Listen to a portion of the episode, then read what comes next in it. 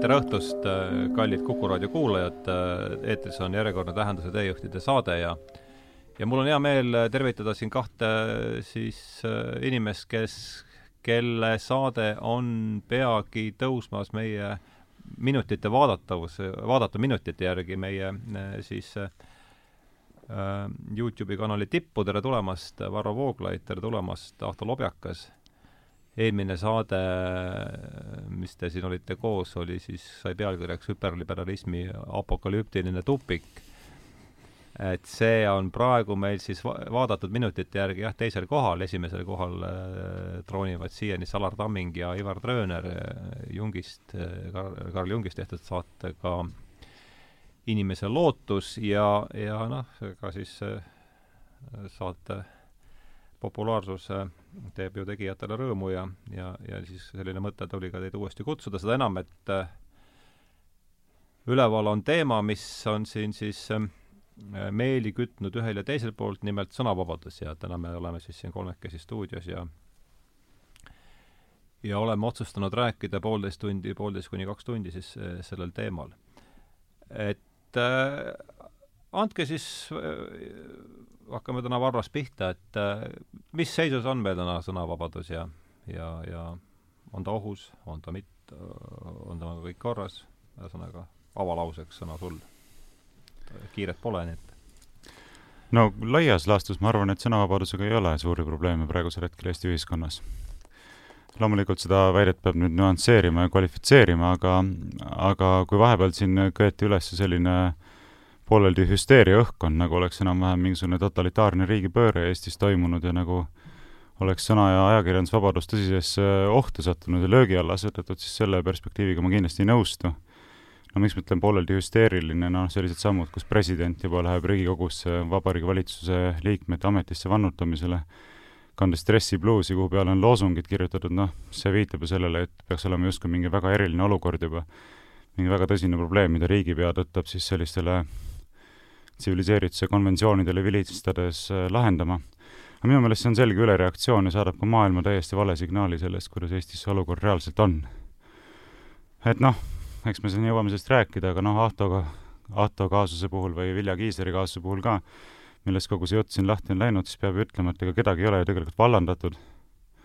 ühelegi ajakirjanikule ei ole öeldud, mil-, millest ta võib rääkida, millest ta ei või rääkida, pole antud ühtegi sõnumit, et ühtegi poliitilist parteid ei tohi kritiseerida mitte midagi pole sellist olnud, nii et äh, selle tõttu minu meelest kogu see jutt, nagu oleks ajakirjandusvabadus tõsise löögi alla sattunud, on üle, ülepaisutatud. aga miks ma ütlesin, et peab kvalifitseerima, ma arvan, et tegelikud ohud sõnavabadusele hiilivad hoopis muudest äh, hämaratest nurgatagustest, mida sageli ei taheta nagu valgustada selle prožektoriga ja ja tõelised äh, probleemid sõnavabadusele tulenevad just nimelt selliste sõnavabaduse kasutamise võimaluste koomale tõmbamisega äh, seonduvalt, nagu meie seda siin praegu praktiseerime. et äh, noh, ma olen ka varem öelnud, et minu meelest ei ole mitte kellelgi õigust oma saatele ERR-is, et ei ole sinul, Ahto, õigust ERR-is oma saatele rohkem kui minul või Hardol seda on.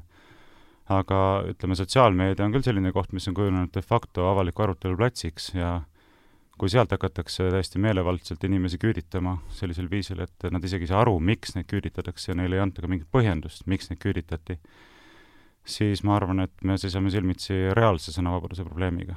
see on äh, teatud mõttes nagu linna keskväljak, mis on privatiseeritud, ja siis see, kes selle privatiseeris, hakkab, eks ole, ette kirjutama, et kes tohib sinna väljakule tulla rääkima, kes ei tohi ja millest seal võib rääkida või millest ei või, või õigemini isegi ei ütle, et millest ei või või, või, või teatud hetkel ühed inimesed lihtsalt avastavad, et neid enam sinna väljakule ei lasta, et et nende, nende võimalus seal väljakul sõna võtta on nagu minetatud.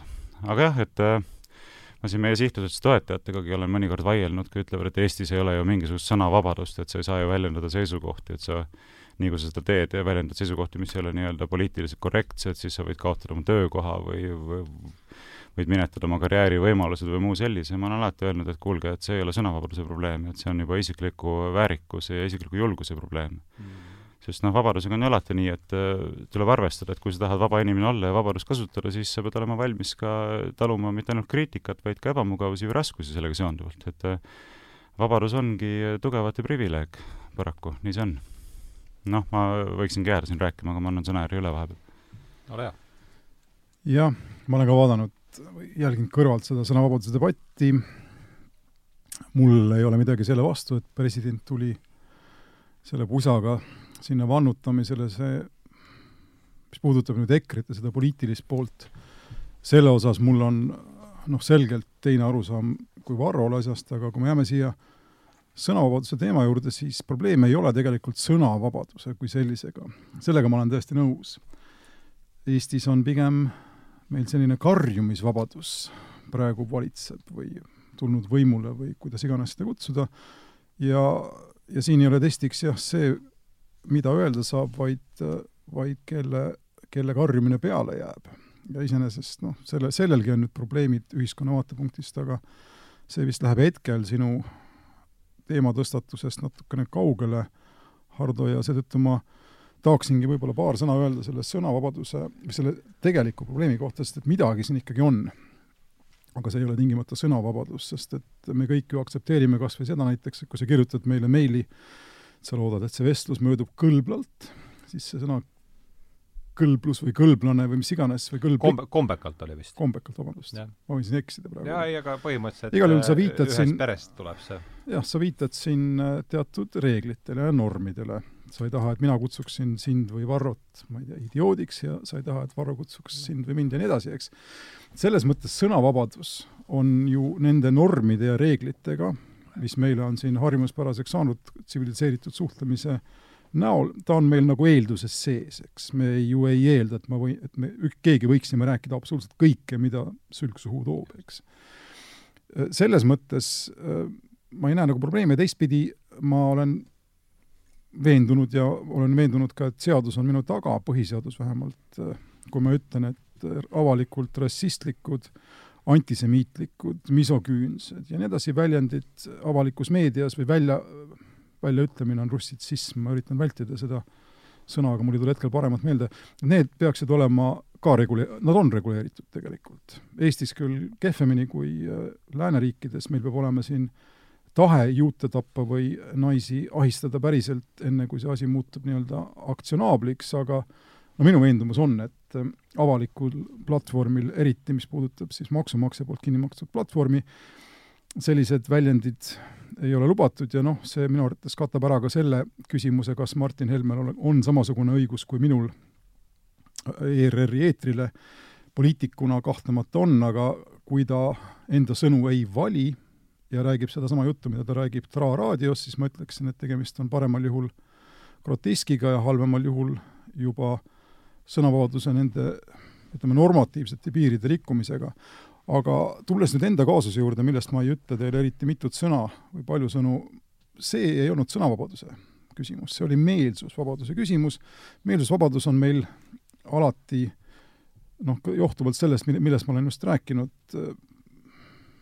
selline vabadus, mida saab teostada valitud sõnadega, mitte igasuguste sõnadega. Ja mina isegi olen eksinud raadioeetris nende sõnade valimisel, aga küsimus, mis ERR-is on nüüd selgelt saanud negatiivse ja ma ütleksin tulevikku vaadates kehva vastuse, on siis see viis, kuidas ERR-i management, antud juhul juhatus, reageerib poliitilisele survele, olgu see nüüd reaalne surve või kujuteldav surve. Ja siin ma näen sellist postsovetlikku ähm, ütleme, üleminekuaega, mis veel kestab, üritatakse võimusilmadest välja lugeda seda, mis võimule meeldib ja võimalikult siis madalat profiili hoida keerulistes äh, situatsioonides, mis tähendab siis seda, et vältimatult seesama juhatus ei taha eetrisse lasta inimesi, kes on julged, kasutades siin Varro sõna või määratlust. mitte iga saade ei ole küsimus, aga üldises plaanis on jõutud järeldusele või jõuti järeldusele, et lihtsam on, kui kui noh, ütleme siin antud või sellist julgust pidevalt eetrisse ei jõua ja mul oli plaan nagunii ära minna ja põhimõtteliselt mul sellega probleemi ei ole, aga, aga ERR-i, ERR-is tiražeeritav inimene ma olla ei tahaks, sest et see surve manageriaalpoliitiline surve on selgelt olemas ja seda, seda seal olla ei ta-, ei, ei, ei tohiks, aga see ei ole sõnavabaduse probleem, see on, see, nagu ma ütlesin, on meel-, hiiliva meelsusvabaduse vaigistamise probleem või nivelleerimise probleem. nii, esimene ring sai peale, siin on päris mitu teemat, millega võiks edasi minna, et ma võtaks siit sotsiaalmeedia, arvamusvabaduse, arvamusvabadus sotsiaalmeedias, siis on, käis läbi karjumisvabadus, käis läbi meelsusvabadus, aga ma hakkaks võib-olla kinni sellest, mis sa, Ahto, ütlesid siin ja paluks teil järgmisena seda kommenteerida, et sõnavabaduse normatiivsed piirid, et ma olen täiesti äh, nõus sellega, et kui me tuleme siia kolmekesi oleme nõus arutama asja, et siis meil on see vaikimise tehtud eeldus on see, et me ei hakka siin üksteist idioodiks sõimama ja, ja veel äh, pudelitega loopima, eks, et see on kahtlemata olemas. Et aga sealt on nüüd äh, seda enam, et see oleks ebavõrdne, kuna minul ei olegi pudelit, erinevalt teistest. jah. no sa siit äh,, aga ärme siin detailidesse praegu äh, tahkerdu, et et et, et sellega me oleme justkui kõik ühel meelel, eks, et, et on olemas mingid vaikimisi oletused, mille pealt see sõnavabaduse äh, üldse kontseptsioon tekib. aga siis tuli kohe järgmisena, et et sinna, et sinna, sinna piiri alla või siis selle, selle piiri osa või siis selle raamistiku osaks on kohe kõik antirassistlikud, misoküünsed, antisemitistlikud väljaütlemised. Aga nendega on nüüd küll nii ja eks samas ka sellega muidugi, mis, mis siis moodustab sellise kombeka käitumise, et no meie, meie arusaamad nendest on tihtilugu ju erinevad, eks, et noh, siin me ma kujutan ette, et me kolmekesi saame suhteliselt lihtsalt kokkuleppele, mis moodustab või mis, milles seisneb kombekas käitumine selles ruumis selle laua taga, aga ühiskonnas tervikuna on meil väga raske leida nüüd öelda, et siin läheb siin läheb piir, kuhu poole, et siin on siis see piir, kus, kus, kus siis ühele poole jäävad misoküünsed ehk siis äh, naistevaenulikud ja teisele poole siis mitte naistevaenulikud äh, mm, sedastused, et äh, võtame selle, võtame siis järgmise sellise ringi teemaks äh, sõnavabaduse vaik-, see vaikivad va,, sõnavabaduse vaikiv vundament jah, ma võib-olla repliigi korras küsiks sult, Ahto, korra, et miks sa kasutad järjepidevalt seda väljendit Tra raadio, et minu teada on selle raadio nimi Tre raadio ja Tra, nii palju kui ma olen aru saanud, on vist lühend äh, teatavast vulgaarsusest, mis viitab mehe suguelundile, kas ma saan õigesti aru, et milleks sa sellist väljendit kasutad? Ma ei taha rikkuda neid piire, mis meil, millest me oleme siin ühesõnaga vähemalt Hardoga rääkinud nii kõlavates terminites, see küsimuse kergitamine iseenesest juba äh, on noh, ütleme niimoodi, et minu eesmärk on siis võib-olla saavutatud.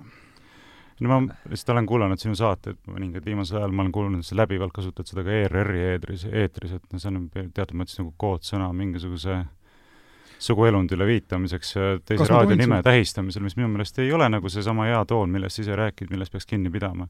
kas ma tohin sult küsida vastu nüüd lühikese repliigi korras, mida tähendab see märk, mida me raadios näidata ei saa, aga mida nagu loed välja sina, Martin ja Mart Helme äh, käežestist nende ametisse vannutamisel?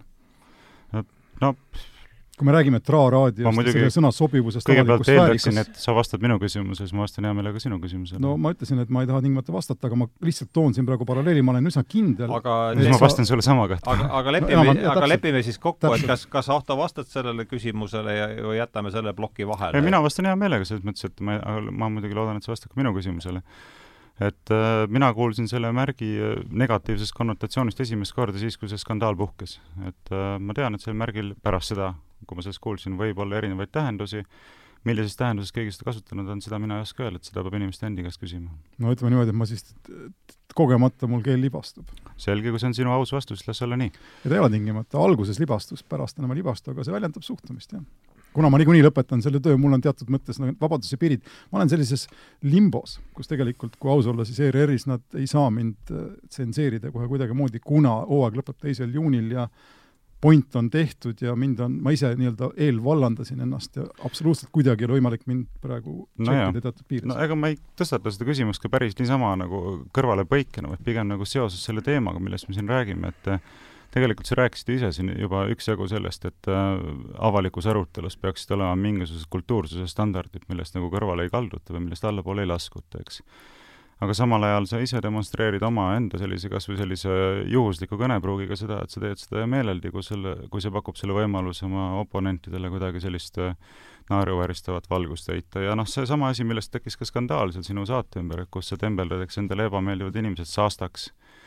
et see ka kindlasti minu meelest ei peaks käima selle juurde, mida kujutab endast selline kultuurne mõttevahetus avalikus arutelus, mille eest ise siis paistad seisvat, eks rääkides sellest, et teatud sõnu ei tohiks kasutada avalikus arutelus ja eriti veel Rahvusringhäälingu eetris, eks, et äh, noh, ma kuulasin väga tähelepanelikult seda sa-, saadet, kus sa seda ütlesid, ja ka järgmist saadet, kus sa ütlesid, et ma väga vabandan selle, ma vaba- või kahetsen, avaldan, avaldan uuesti kahetsust selle väljendi kasutamise pärast Rahvusringhäälingu eetris, kuhu see kindlasti ei sobi, aga see ei muuda minu arvamust nendest inimestest, keda ma siis eelduslikult pean endiselt saastaks, eks, mis on selline selgelt dehumaniseeriva hoiaku väljendamine enda poliitiliste ideoloogiliste oponentide suhtes nii et noh, kui sa räägid sellest, et milliseid sõnu ei tohiks kasutada, milliseid hoiakuid ei tohiks väljendada Rahvusringhäälingu eetris või üldse avalikus arutelus, ma esimese asjana ütleksin seda, et sa peaksid ka ise püüdma nendest standarditest kinni pidada.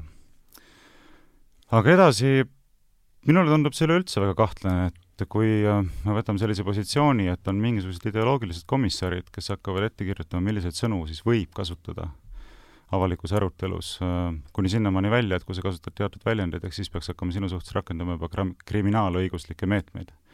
no ütleme, samm, samm tagasi sealt on see, eks, millest sa vist rääkisid seal saates rassi, rassistid ja globalistid või ei, natsid ja globalistid või mis see on, et äh, tuues eeskujuks ra Rootsi Rahvusringhäälingut, kus on ära keelatud sõna rahvuslus kasutamine, nagu ma aru saan. et kui keegi kasutab sõna rahvuslus, siis ta pidavat vabandama või siis pidavat Rahvusringhääling selle pärast vabandama, niimoodi sa seal rääkisid, nagu ma aru sain? see ei olnud minu saade, see on äh, kana-, Kanal kahe sa-, kahe, Kanal kahe yeah. saates antud intervjuu, küsimus on selles, et seal e etnilisest root-, rootslusest on problemaatiline rääkida tänases Rootsis ja see, mitte rahvuslusest kui sellisest, aga Rootsi etnose nii-öelda vastandamisest teistele Rootsi inimestele, kes ei ole tingimata sama värvi või sama minu pärast päritolu no ja noh, mida iganes, aga ütleme nii, et äh, kui keegi hakkab võtma endale seda positsiooni, milliseid sõnu võib kasutada Rahvusringhäälingu eetris, mis ei ole roppused või mis ei ole mitte kuidagi nagu vulgaarsused, eks, siis ma arvan, et me oleme hästi libedal jääl, et äh, kes siis koostab kataloogi nendest sõnadest, mida võib kasutada poliitilises ja ja ka filosoofilises diskussioonis ja mida ei või kasutada, nii et äh, kord oled sina selles positsioonis, kus ta kehtestab need sõnad, selle sõnade nimekirja, eks, mida ei või, mina ei või kasutada, siis olen jälle mina selles olukorras, kus ma kehtestan nimekirja, mida sina ei tohi kasutada, eks. ja siis hakkame vastastikku teineteist represseerima tulenevalt sellest, kes parasjagu osutab siis võimupositsioonil olema. nii et minu meelest kogu see lähenemine kui selline on äh, väga problemaatiline. pigem mina eelistaksin iga kell sellist lähenemist, et kui on inimesed, kes väljendavad avalikus arutelus äh, kas seisukohti või kasutavad nende seisukohtade väljendamiseks sõnu, mis on kultuuriliselt äh, mitte aktsepteeritavad, siis peakski see sanktsioon nende inimeste suhtes olema see, et nad kaotavad oma lugupidamise selles ühiskonnas ja, ja ka siis selle staatuse, mida nad on ühiskonnas omanud arvamusliidritena. et tõesti, kui sa hakkad vulgaarselt ja ropult näiteks rääkima, ma ei tea, Vikerraadios, noh siis, siis minu meelest äh, peaks sellele järgnema ka mingisugune igati adekvaatne tagasiside inimeste poolt, eks ole, ja kaasa arvatud inimeste tööandjate poolt, et noh, et see lihtsalt ei ole nagu soovitatav meie jaamas ja ma ei leia, et see oleks kuidagi sõnavabaduse probleem. jaa, ei muidugi selle sõna eest ei, see sõna iseenesest ei tähendanud mulle midagi, küsimus oli, küsimus oli tingimustes, mida hakati esindama vähem võitluslik, esitama vähem võitluslik ja tasakaalus ja nii edasi ja nende tingimuste, no see on põhimõtteliselt selle asja eksegeetika, millest ma lubasin mitte rääkida, aga see sõna saast iseenesest ei, noh, oli üks lihtsalt äh, üks etapp või mis iganes, mööduv etapp selles pikemas võitluses. nüüd see sõna saast, noh, mul tekib tahtmine küsida siinsamas otse-eetris, ma ei taha seda pikka, otse-eetris, aga ma ei taha seda nüüd pikaks viia, seda arutelu, aga inimesed, kes on rassistid, antisemiidid, misoküünid, kuidas ma neid kutsuda võiksin, ma tõlkisin otse inglise keeles, see sõna on scum ja tundus mulle väga täpne määratlus ja isiklikult jääb minu määratluseks inimeste jaoks, kes on avalikult teinud rassistlikke, antisemitlikke, minu pärast neonatslikke ja nii edasi avaldusi ja seda pole kahetsenud. ja siin me jõuame üldiselt minu arvates laiema probleemi juurde, sa nagu fokusseerud või tood fookuse sõnadele ja seesama kultuursus loomulikult sõnakasutuses väljendub, aga inimesed, kes teadlikult, ja siin oli see minu mõte tuua see OK märk sisse, kes teadlikult teadlikult minu pärast trollivad või mingi sügavama tagamõttega kasutavad selliseid märke, aga jättes endale sellise ambivalentse taganemistee, et tegelikult me ju ei tea, mida ma tege-, täpselt mõtlesin, eks need inimesed äh, lammutavad meie ühiskonna institutsioone, norme, väärtusi ja kõike seda, millest me tegelikult räägime, kui me räägime tsivilis-, tsiviliseeritud suhtlusest, eks muuhulgas. lammutavad seda minu arvates hoopis tõsisemal, vihasemal ja ohtlikumal moel, kui keegi, kes ütleb mingisuguses vihahoos minu pärast saast. ma ei taha ennast välja vabandada, aga Martin Helme on meil ja läheb ajalukku, kui on must, näita ust Äh, väljendiga, eks, ja siin on hiljemgi ta, veel lugesin eile või kusagil oli mingi ülevaade Bloombergi intervjuust, mille pealkiri oli see, et ta tahab valget Eestit, põhimõtteliselt ta ei eitanud seda. ma ei näe, kuidas selline inimene saaks olla avalikus ruumis ükskõik kui viisaka sõnakasutusega talutud. nüüd ma toon kui me räägime siin antisemiitlikust sõnakasutusest, no teile võib-olla see läheb vähem korda kui mulle, mul on see tunnetus veidikene teine, ma olen lihtsalt elanud selles ütleme noh, keeleruumis, keeleruumides, kus selline asi on kohutavalt nagu tabuks tehtud, eks mul on niisugune refleks kergelt võpatada, kui keegi ütleb midagi juutide kohta.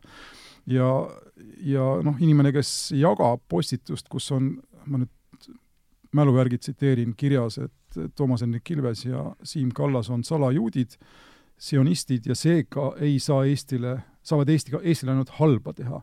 see inimene, noh, minu jaoks sooritab tsiviliseeritud normide rikkumise, mis on geomeetrilises progressioonis või ma ei tea, mitu astet kõrgemal kui inimene, kes kasutab üht või kahte või kolme, ütleme sellist sõimusõna kas või see inimene ütleb ju sisuliselt seda, et juut-, et juudid ei saa Eestil olla kasulikud ning samas siis oma poliitilised äh, oponendid äh, grupeerib vähemusse, mille ajalooline tragöödia on meile kõigile teada, ta mängib ka nendel nüanssidel, eks. ühesõnaga, mida ma üritan öelda, on see, et ühel pool on sõnad ja ma olen täiesti nõus, Varro, sinuga selles mõttes, et, et ja ka Hardoga, et, et need kombed peavad meil kehtima ja seetõttu ma ei nimeta üksteist idiootideks, aga inimesed, kes teadlikult väljendavad ideid, mis on dehu-, dehumaansed, mitte isegi humanis-, dehumaniseerivad enam, eks, minu arvates on, on, on kraadi või mitmekümne kraadi võrra hullemad.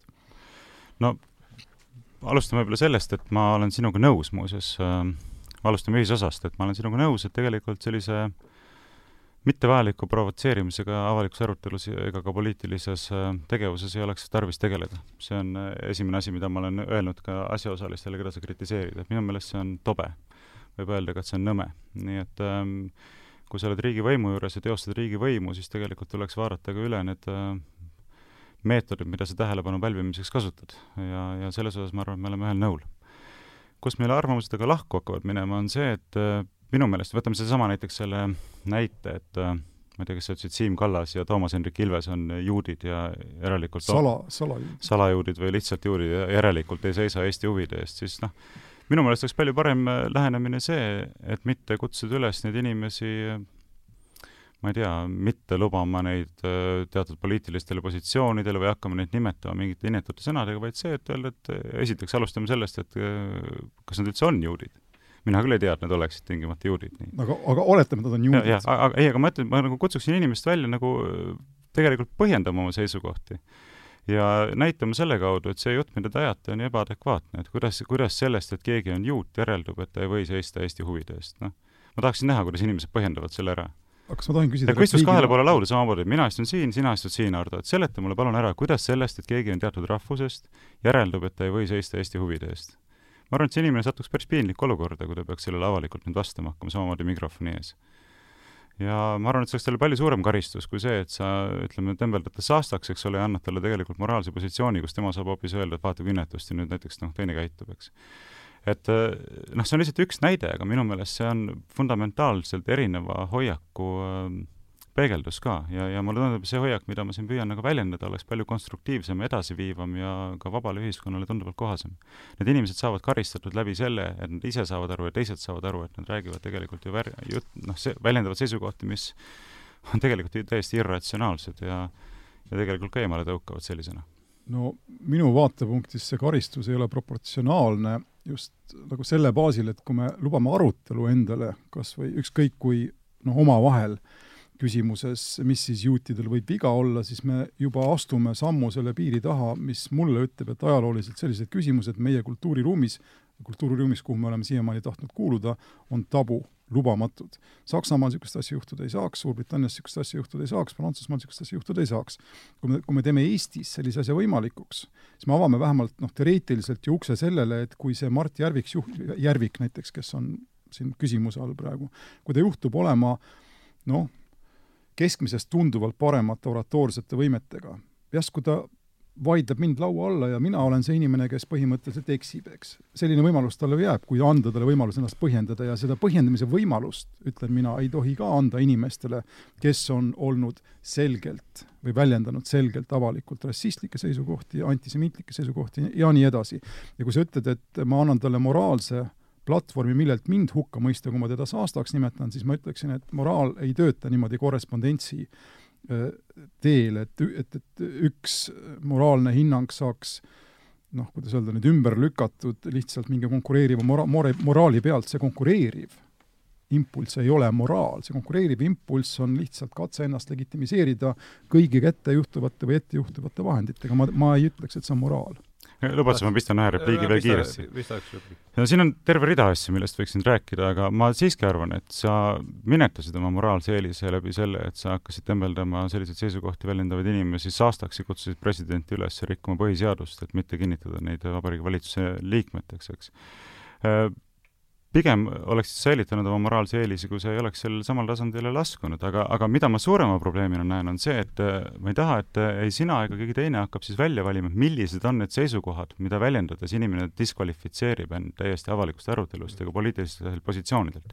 ma toon ühe näite, siis mina lugesin hiljuti sinu artiklit, äh, mis kannab pealkirja Eesti ühiskond ei pea naist inimeseks. ja selles artiklis on kirjutatud, tsiteerin, Eesti ühiskond meenutab masinat, kus ühest, kus ühest otsast lähevad sisse viha, kadedus ja vägivald, teisest otsast tulevad välja lapsed, kirjutab kolumnist Ahto Lobjakas, eks. ühiskonnas, mis toodab masinana lapsi, on naine bioloogiliselt määratletud ja filosoofilises mõttes polegi naine päriselt inimene ja nii edasi nüüd ma arvan, et sa ei ole väga üllatunud, kui leidub terve rida inimesi, kes ütleb, et või kes võiksid öelda, võib-olla ka ütlevad, et inimene, kes väljendab avalikus arutelus selliseid dehumaniseerivaid seisukohti naiste suhtes, väljendab nii põlglikke hoiakuid eh, Eesti ühiskonna suhtes, perekonnaelu suhtes, laste saamise, laste kasvatamise suhtes, peaks olema diskvalifitseeritud Eesti avalikust arutelust, rääkimata sellest, et ta võiks omale saatejuhi kohta ERR-is või mõnda poliitilist positsiooni näiteks Riigikogus või valitsuses, eks. et miks sa arvad, et sina oled sobilikum inimene otsustama selle üle, et teatud posi-, seisukohtade väljendamine, mis sinule tundub väga problemaatiline, on täiesti vastuvõetamatu Eestis, kui näiteks mina sinu suhtes samamoodi seda otsustama? seda, ma, ma olen kirjutanud seda vastust ma tahaks ise ka kuulata. ma olen kir-, ma nägin, sa lohu-, ma nägin, sa noogutasid siin äh, kaasamõtlevalt, ma olen ilmselt üheses vähemuses meie kolmeses seltskonnas, aga ilmselgelt ma olen kirjutanud selle nagu mul ikka kombeks on, liiga telegraafiliselt, see on kolme tuhande viiesaja tähemärgine rubriik ja viie tuhande viiesajaga ma oleksin kirjutanud need asjad lahti, aga seal on esimese sõnana või väljendina öeldud äh, kaugemalt vaadates. see on siis Eestile väljapoolt vaadates, ma karikeerin rahvuskonservatiivset positsiooni, see peaks minu arvates kõigile selge olema ja sel, see on see lähtease-, see on see lähteasetus, kui me räägime iibest, selle nimel, et eestlasi oleks rohkem, kui me räägime sellest, et eestlasi võiks olla ühe miljoni asemel kaks miljonit, ühesõnaga teeme numbrist kvaliteedi see on ju, ma arvasin, et ma võin apelleerida siin katkematule konservatiivsele ja äärmuskonservatiivsele mõttele, mis läheb tagasi Margus Tsahknani kaks tuhat kuusteist jaanuaris, kui ta rääkis oma Isamaa kaks null kõnes kahest miljonist eestlasest. ma arvan, et te saate kõik aru sellest, kui ma nüüd, ma ei hakka seda, või tahate, et ma räägin pikemalt sellest.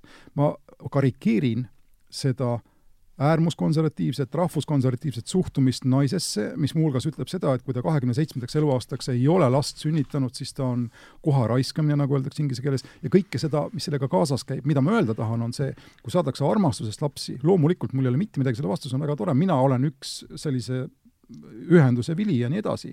aga jumala eest, kui mind oleks saadud sellepärast, et oleks üks eestlane juures, mul oleks tõsiseid küsimusi enda vanematele, ma ütleksin, et mu vanemad oleksid käitunud immoraalselt kas sa tead ühtegi, vabandust, ma segan korra vahele, kas sa tead ühtegi inimest, äh, kes oleks sündinud sellepärast, et tema vanemad äh, olid mures Eesti iibe pärast? et see on ma, peamine motivaator lapse saamiseks? Varro, ma ründan poliitikuid, ma ei ründa pereemasid ega pereisasid ega perekondi. kogu selle asja mõte on rünnata ideoloogiat mida esindavad poliitikud ja noh, rida avalikke mõtlejaid, võib-olla sina nende hulgas. aga ma tahan tulla nüüd tagasi no, milline on selle ideoloogia faktiline baas, kui sa ei oska mul nimetada ühtegi inimest, kes oleks sellistest motiividest saanud, kantuna saanud lapse, nagu faktiline, sa kirjeldad, ette heidad? faktiline baas on see, et iive on meil riikliku poliitika tasandil eestluse jätkamise mehhanismi üks osa, aga ma tahan tulla tagasi ühe teise asja juurde korraks, sorry, sest et see vestlus on meil selline mitme, mitme jah, ma tahaksin tõmba, aga ma tulen, ma tulen pärast ja sind e siis eetrisse. ma luban, et ma rohkem repliiki vahele ei pista. tõmbame need jooned jälle kuidagi koomale siis. aga, aga siin on ikkagi, siin käib läbi ikkagi selline mõte, et keegi meist ei ole äh, iseenesest positsioonis öelda, mis täpselt võiks meil arut-, avalikus arutelus olla lubatud ja mis mitte lubatud ja see jätab nagu sellest teisest otsast mulje, et tegelikult noh, kuna me keegi seda hinnata ei oska, siis iseenesest on kõik lubatud ja arutagem siis pärast mõistlikult, kuivõrd ja kas midagi lubatud on. aga las ma proovin teie peal noh, lihtsalt viin seda asja natukene nüüd äärmuse suunas või ütleme, Euroopa, Euroopa suunas. kas inimene, kes ütleb, see on nüüd täiesti hüpoteetiline, eks sellist asja minu teada meil praegu pole veel olnud, võib-olla et Ruben Kaalep on seal lähedal, aga mul ei ole ka ühtegi tsitaati. aga inimene, kes ütleb, et holokaust on vale, välja mõeldud, ja väidab seda avalikult ja jääb väitma, kas selline inimene võiks olla Eesti Vabariigi valitsuse minister?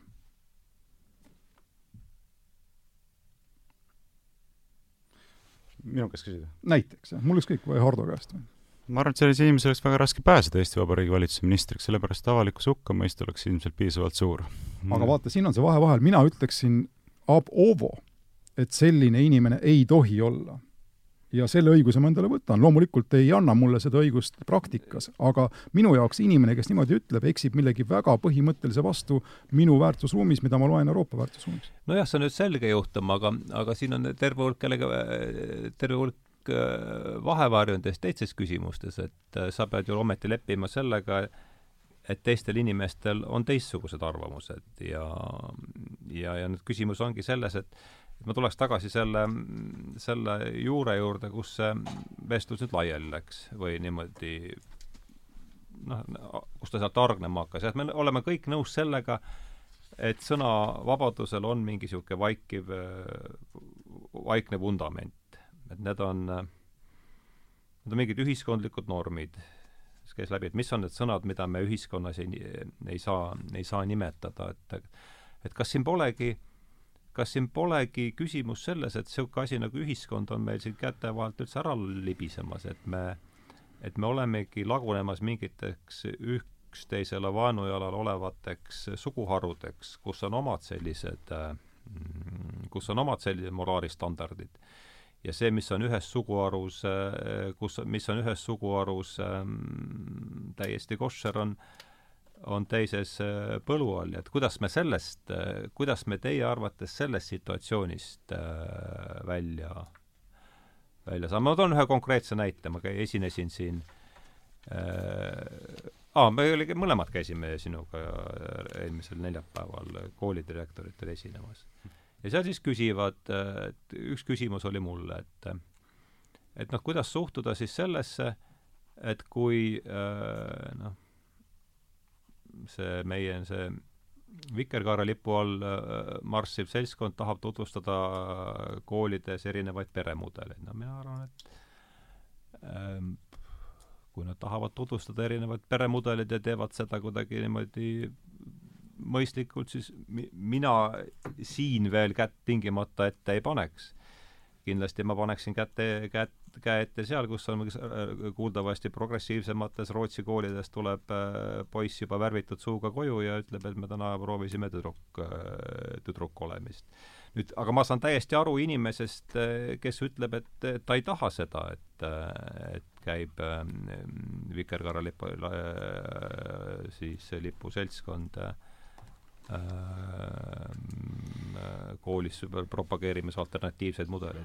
ma kujutan ette, et on ka inimesi, kes arvavad, et niisugune poiste huulte värvimine ja, ja niisuguse äh, aktiivne äh, soorollidega siis eksperimenteerimine on koolis täiesti okei okay., et kuidas me selles olukorras, me räägime sellest, et kuidas me selles olukorras jõuame mingi äh, kokkuleppeni, on teil mingi ja on see küsimus arusaadav, on, on teil mingid, on teil mingid, aga just nagu arvasid praegu, sedapidi käinud, et kuidas me sellest, kuidas me siit nagu pääseme? Või on siis niimoodi, et ongi meil eh, teatud inimesed, kes teavad tõde ja, ja ütlevad meile, kuidas me peame, eh, mida me peame teadma, tundma ja mõtlema no ma arvan, et mul ei ole sulle pakkuda sellist terviklikku lahendust sellele mm, või terviklikku vastust, mis võiks kujutada endast lahendust, aga ma arvan, et äh, lähenemine, mis võiks kanda positiivset vilja selles olukorras, kus me oleme, võiks lähtuda ennekõike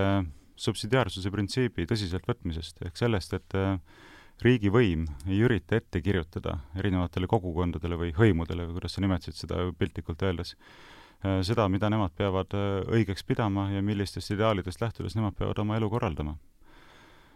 ja noh, ütleme needsamad sooneutraalsed lasteaiad näiteks, et mina sellest samast subsidiaarsuse printsiibist tulenevalt ei näe et riigivõimul oleks põhimõtteliselt õigust keelata vanematel kasvatada oma lapsi ka selles vaimus, kui nad seda soovivad. et me ei räägi lastele sellest, et on olemas poisid ja on olemas tüdrukud või et bioloogiline sugu on seotud sooidentiteediga tegelikult lahutamatult ja nii edasi.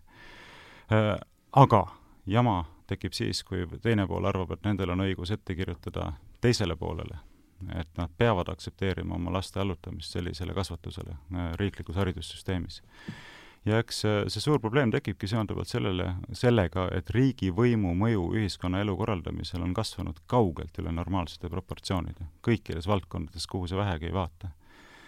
kaasa arva-, kaasa arvatud haridussüsteemis ja ongi riiklikud õppekavad näiteks, et ähm, me oleme nii harjunud sellise nähtusega nagu riiklik õppekava, et kõik lapsed peavad õppima ühe sama riikliku õppekava alusel ja riik on siis see, kes otsustab, millise õppekava alusel kõik lapsed peavad õppima, ilma et vanematel oleks õigus sellest kõrvale kalduda ja nii edasi aga tegelikult ei ole selles mitte midagi normaalset ega, ega ka paratamatut.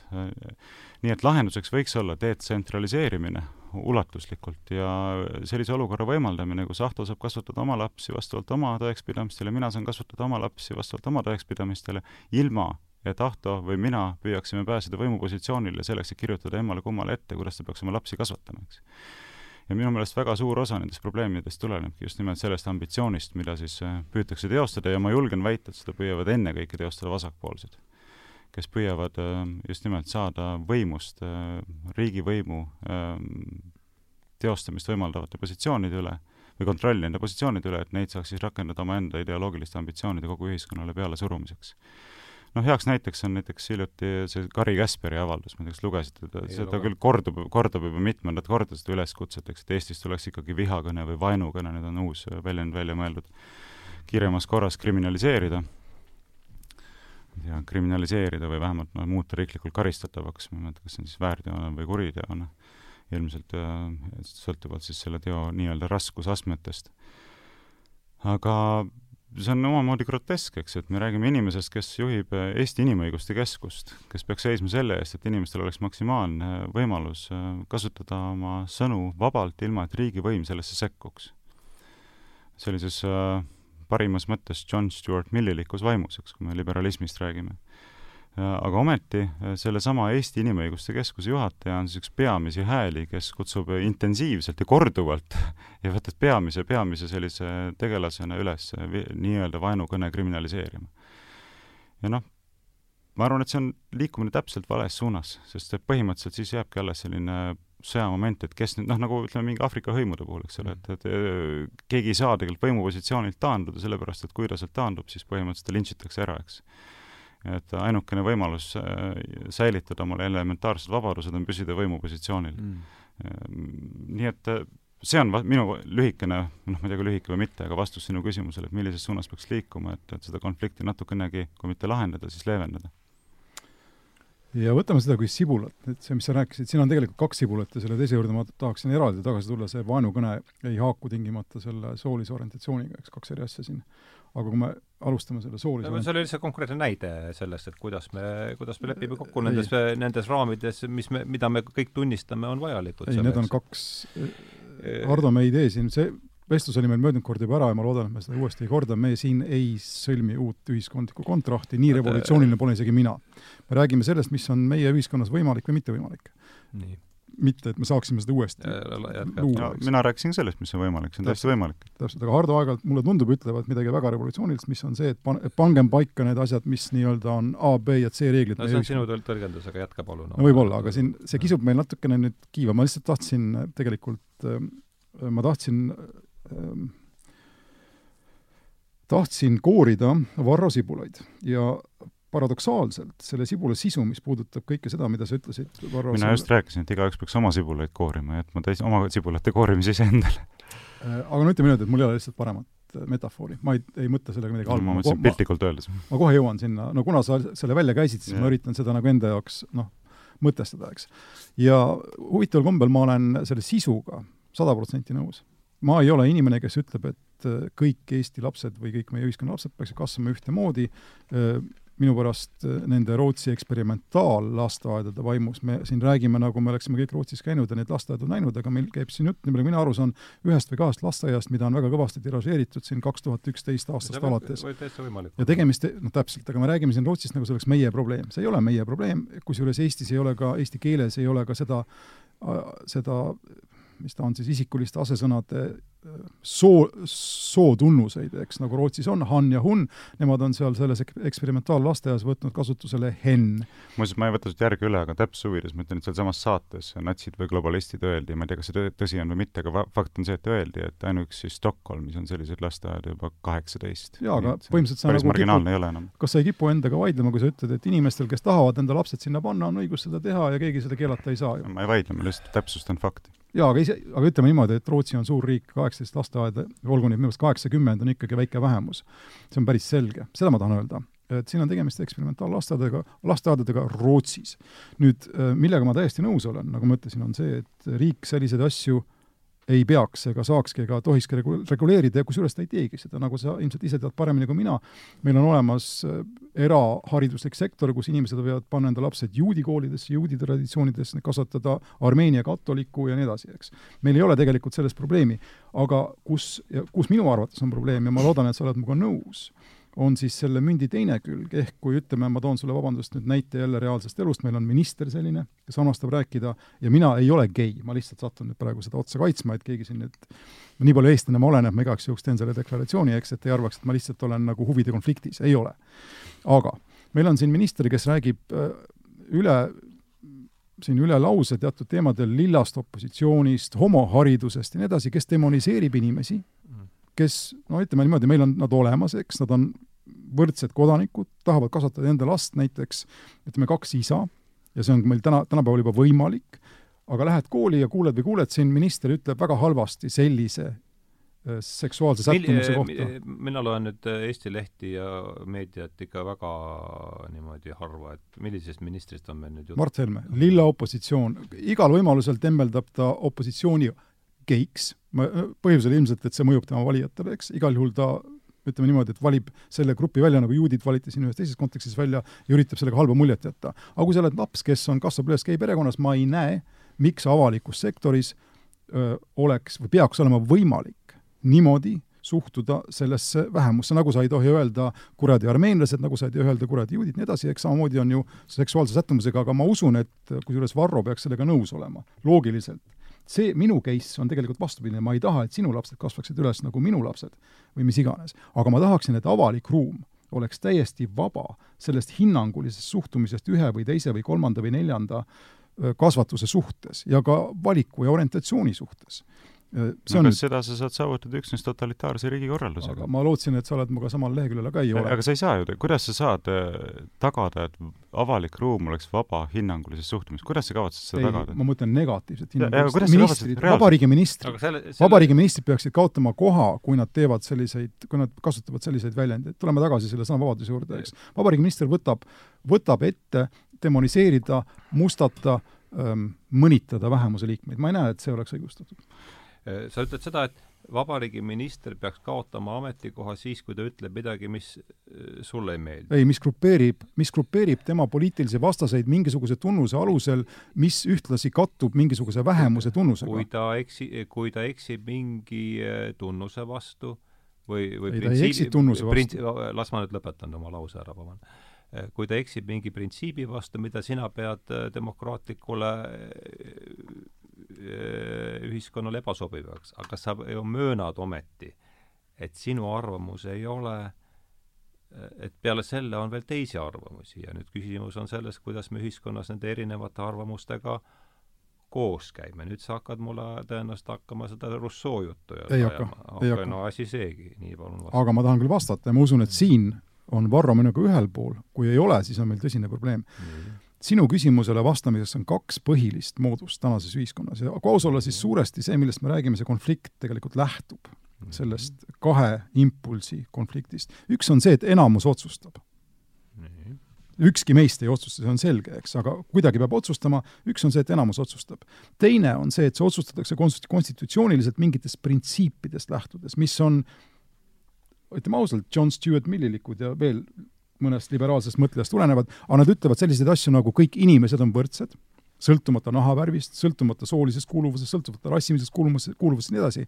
kui neid printsiipe ei aktsepteerita ja kui me paneme enamuse võimu püsti, siis noh, ütleme niimoodi, et meie ühiskond ja see, mida me peame normaalseks või mitte, või mida me peame nii-öelda mõistlikuks, muutub radikaalselt ja mina eelistan printsiibipõhist õigusriiki, mitte kohta, kus enamus otsustab selle, mis on avalikus ruumis lubatud ja ei ole. ja ma, tegelikult ma saan aru juba, miks Varro minuga nõus ei ole, aga mm. aga, aga, aga ma arvan, et selle printsiibi pondist sa saad aru, eks. no miks olema... ma sinuga nõus ei ole, ütle mulle. no selles mõttes, et sa esindad rahvaalgatuse ideed muuhulgas. ei, ei, mitte sellepärast, ma olen sinuga, ei ole sinuga nõus hoopis teisel põhjusel, ma arvan, et see äh, kaheks jaotatud valik on põhimõtteliselt valedel alustel küsimus ei ole mitte selles, millisest kriteeriumist lähtudes keelata ära mittesobivad väljaütlemised, kas siis avaliku võimu kandjate puhul või laiemalt avalikus arutelus üldse, vaid küsimus on selles, et äh, kõiki väljaütlemisi ei peagi püüdma ära hoida õiguslike keeldudega. minu, minu jaoks on see fundamentaalne probleem, et üritatakse tekitada selline ühiskondlik poliitiline korraldus, kus põhimõtteliselt lubatavat ja mittelubatavat kõne piiritletakse käskude ja keeldudega see on probleem. riiklike käskude. riiklike käskude keelud, seda ma mõtlengi, õiguslikud äh, normatiivid ja sanktsioonid, millega neid tagatakse.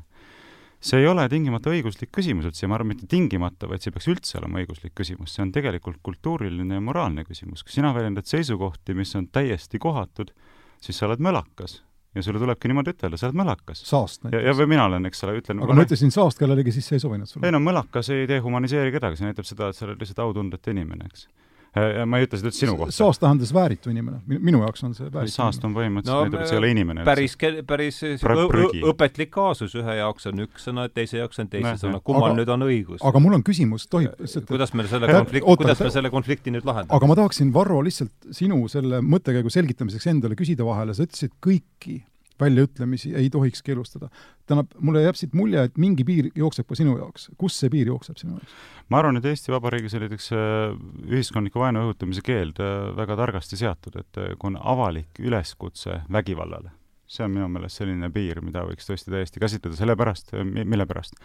et siin tekib reaalne oht, et hakatakse väljaütlemisi kasutama teistele inimestele otsese kahju tekitamiseks ja ma ei räägi siin kahju kuidagi kummipaelana venitatavas mõttes, eks ole, keegi solvus ja see on tema jaoks kahju näiteks või keegi tundis ennast halvasti ja nii edasi, vaid ma räägin otsese materiaalse kahju, eks ole, kui ma hakkan kutsuma üles, et lööge juudid maha kõik, eks, või minu poolest lööge EKRE liikmed maha siis äh, selline väljaütlemine enam ei ole äh, ka õiguslikult minu arvates lubatav, kui see on suunatud sellele, et seda reaalselt hakatakse järgima ja kui on reaalne oht, et seda reaalselt hakatakse järgima, eks.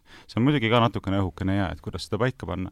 aga, aga ma olen sinuga selles mõttes nõus, et loomulikult sõnavabadus ei saa üheski ühiskonnas olla täiesti äh, täiesti piiritu. no näiteks ma ei saa, eks ole, mõõdutundetult sinu või sinu kohta valetada, valesid levitada, eks, ilma et ma peaksin kartma sellega seonduvalt mingisuguseid ka õiguslikke sanktsioone aga põhimõtteliselt, kui me räägime selliste seisukohtade väljendamisest, mis on lihtsalt kellelegi ebameeldivad, eks kas on, kas on kas solvavad, äh, lihtsalt ebameeldivad või millega lihtsalt ei nõustuta, siis äh, minu meelest fundamentaalse tähtsusega printsiip on just nimelt see, et äh, selliseid väljaütlemisi ei pea reguleerima tingimata õiguslike käskude ja keeldudega, et selleks ongi olemas kultuuriline regulatsioon ja ma olen siin osas Platoniga küll sada protsenti nõus, et mida rohkem seadusi ühes ühiskonnas on, seda moraalselt korrumpeerunum see, see ühiskond on.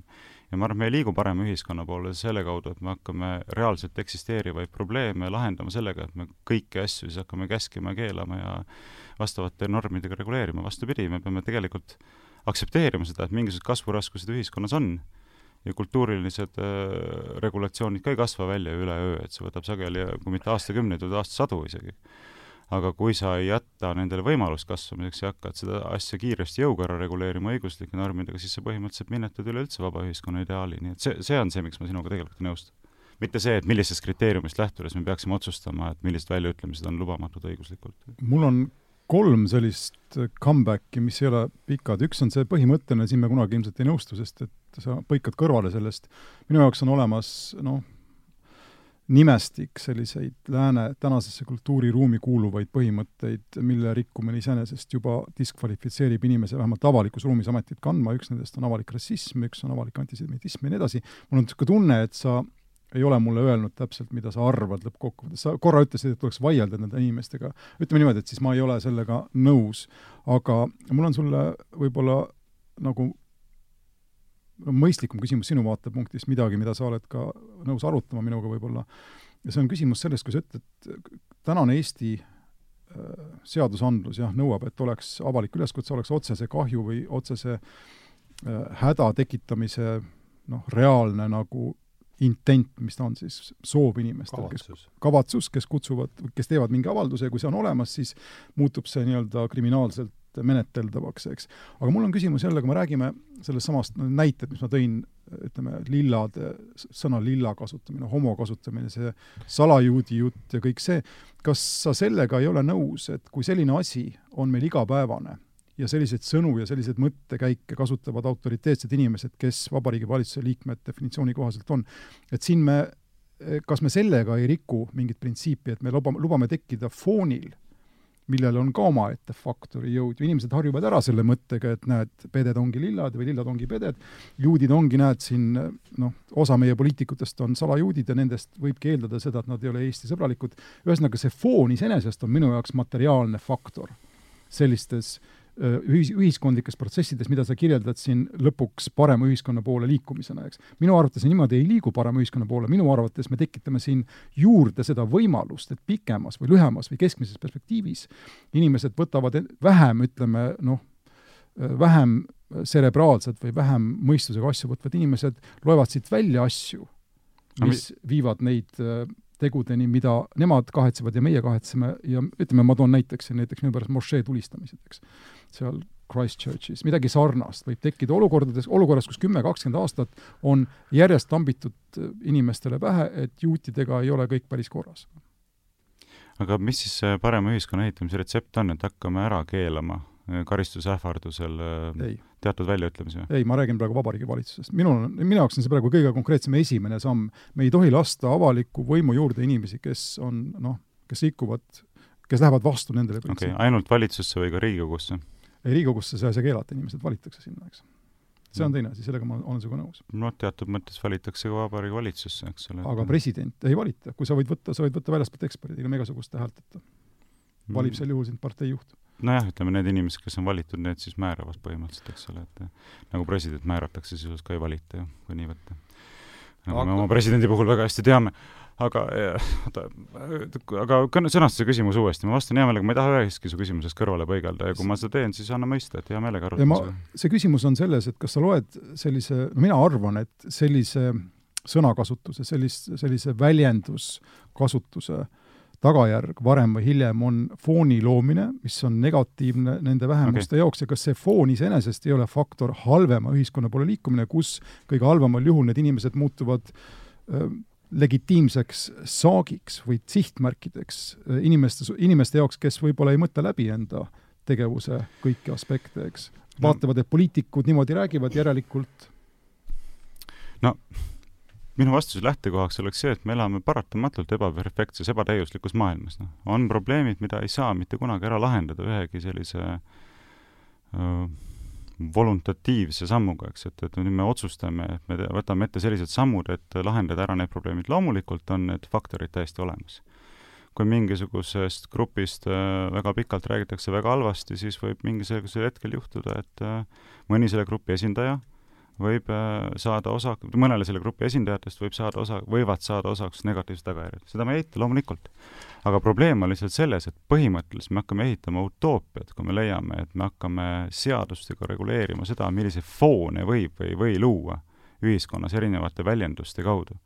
no ja, ja, ja noh, suur probleem loomulikult on mitte ainult see, et põhimõtteliselt on see katastroofi retsept nii või teisiti, kuna need äh, on ju väga-väga tõenäosuslikud äh, ohud, mida me püüame ära hoida väga konkreetselt isikuvabadusi maha suruvate sammudega, äh, vaid ka seetõttu, et millised foonid siis need on, mida luua ei või.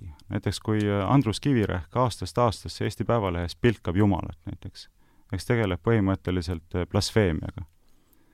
Või mõned kunstnikud tegelevad blasfeemia, kas, kas mina ei või siis öelda sinule samamoodi, et vaata, see on ka foon, mis võib materialiseeruda mingil hetkel kristlaste vastu, eks ole, vägivalla või vaenutegudega, järelikult tuleb kõik blasfeemsed avaldused ära keelata, kaasa arvatud sulle ja kõigile teistele, eks et miks siis sina ütled, et näiteks äh, juutide suhtes negatiivset fooni loovad avaldused tuleb ära keelata, mustanahaliste või moslemite suhtes negatiivset fooni loovad äh, väljaütlemised tuleb ära keelata või sinu tõlgenduse kohaselt seda loovad. aga, aga siis mina ei saa näiteks üldse kaasa rääkida seda, et millised, äh, milliste foonide loomine tuleb ähm, ära keelata, näiteks ma ei tea, rahvusriikluse ideed halvustavate või seda õõnestavate väljaütlemiste kaudu sellise fooni loomine? ma siiski võtan korraks, ütle, torkan siia vahele, et äh, seesama dehumaniseerimise, see haakub sellesama fooni loomisega, see dehumaniseerimise sõna, mis siit läbi käis. mul on väga selgelt meeles, kui ma andsin intervjuu äh, Vilja Kiislerile siin umbes aasta aega tagasi, üks küsimus oli selline, et kas mina ei karda, et minu tegevus siis Berkeley seltsis äh, Äh, humaniseerib seda siis äh, EKRE seltskonda, et see on, äh, see on mul see, mis sa sellest, mis sa selle, ütleme, see oligi vahe, vaherepliik lihtsalt ja, ja, ja ma annan sulle, Ahto, lihtsalt üle nüüd. mina ei ole Vilja Kiisleri kõneisik. ei, ei, ei olegi, selleks keegi sind ei pea ju aga, aga lihtsalt aga ma arvan kuivõrd, kuivõrd teie kahe nimi on, on selle võsa sõnavabaduse äh, Äh, afääri või skandaali käigus nüüd esile kerkinud, siis ma lihtsalt mind ei seo ka mingisugune ühiskondlik äh, meie kahe nime kokkupanemine, olgu siis abielus või mingis ideoloogilises mõttes, see on teiste inimeste mure, eks mina seda vastutust endale ei võta. Vilja Kiisleri nimel ma ei räägi, aga seda ei ole palunud sul teha ka. jah. aga see võti, Varro, ei olegi selles sõnas dehumaniseerima, mida praegu Hardo meile kenasti meenutas. see, mis on sinu probleem minuga, selle väljendiga, millest me siin alguses rääkisime, on see, et ta teeb inimesest midagi vähemat, kui see on. Ja anna nüüd andeks teatav frivoolsus, minu vastus sinule. Äh, jumalat ei ole olemas, vähemalt me elame sellises noh, ütleme niimoodi, et suur enamus meist, ja enamus ei ole siin argument, aga lihtsalt me elame sellises postliberaalses või hilisliberaalses ajastus, kus see on nii-öelda aktsepteeritud fakt, et, et, et inimesel ei pea olema Jumalat või Jumala ideed või usku Jumalasse ja nii edasi. kõik, ühesõnaga, mida seob minu, mis seob minu näiteid, ongi seesama humaniseerimise küsimus, ehk siis me räägime nende gruppide puhul reaalselt olemasolevatest inimestest. samamoodi ideid minu arvates võib arutada lõpmatuseni, seni kuni nad ei puuduta inimeste hävitamist. kas kommunism on hea, minu pärast me võime isegi arutada, kas natsism, kust ta pärit on, me võime seda ei keela keegi arutada, ehk kus on ta juured ja mismoodi Heidegger on kirjutanud või on öelnud kusagil mingis intervjuus ja kirjutanud viiekümne kolmandal aastal veel, et, et, et nad tegid liiga vähe, aga ometi see ei ole monstruöösne kuritegu äh, mingisuguse vabaduse vastu, vaid ta mõtles hoopis midagi väga-väga sellist noh, abstraktset, eks. aga seni, kuni me räägime ühesõnaga, ei räägi inimestest ehk ei dehumaniseeri, seni on minu arvates kõik lubatud. aga niipea, kui me hakkame inimesi alandama või alavääristama või tegelikult see sõna, mida ma otsin, mul ei tule väga ette, alavääristamine on, on, on on jama, võtkem selle, unustagem see ära. kui me hakkame neid äh, jah, dehumaniseerima, siis on meil probleem. see on minu point. No aga ega sa ei taha ju ometi väita seda, et see alavääristamine on nüüd ei, see on ju vale sõna, ärme see, no las ta olla praegu selline, ärme sellesse ka takerda, et see ei ole ju ometigi ainult nüüd selle poole viga, kellele seda ette heidad, see Hillary Clintoni basket of deplorables ja kõik see, millele, millele vasta-, millele vasteid me võime siit Eestist äh, küll leida, et et kas sinna ei eksi ikkagi sellesama reegli vastu, et äh, pindu näed teise silmas, aga, aga palki oma silmas ei kipu siin keegi nägema. armas Hardo, kui keegi ütleb kellegi kohta, et too on salajuut ja seetõttu automaatselt Eesti riigile kahjulik ja Basket of Deplorables on kaks täiesti erinevat ooperit, kui ma ütlen, kui keegi ütleb minu kohta, et ma olen kurat üks krimpsus keskealine näss, eks, see on Basket of Deplorables, kui keegi ütleb minu kohta, et sa juudinäru see on hoopis midagi muud, kas sa sellest aru ei saa või? no aga need on sinu arvates ju niimoodi, aga peale no, sinu arvamuse on okay. ju veel teisi arvamusi ka no,, sellest me ju räägimegi. Nüüd... oota, aga ma küsin korra vahele, mitte et see mingi väga fundamentaalselt printsipiaalne repliik oleks, aga mille poolest erineb neist kellegi nimetamine juudineruks sellest, et öelda, et ta on näiteks ristikoer äh... või kristlase näru näiteks?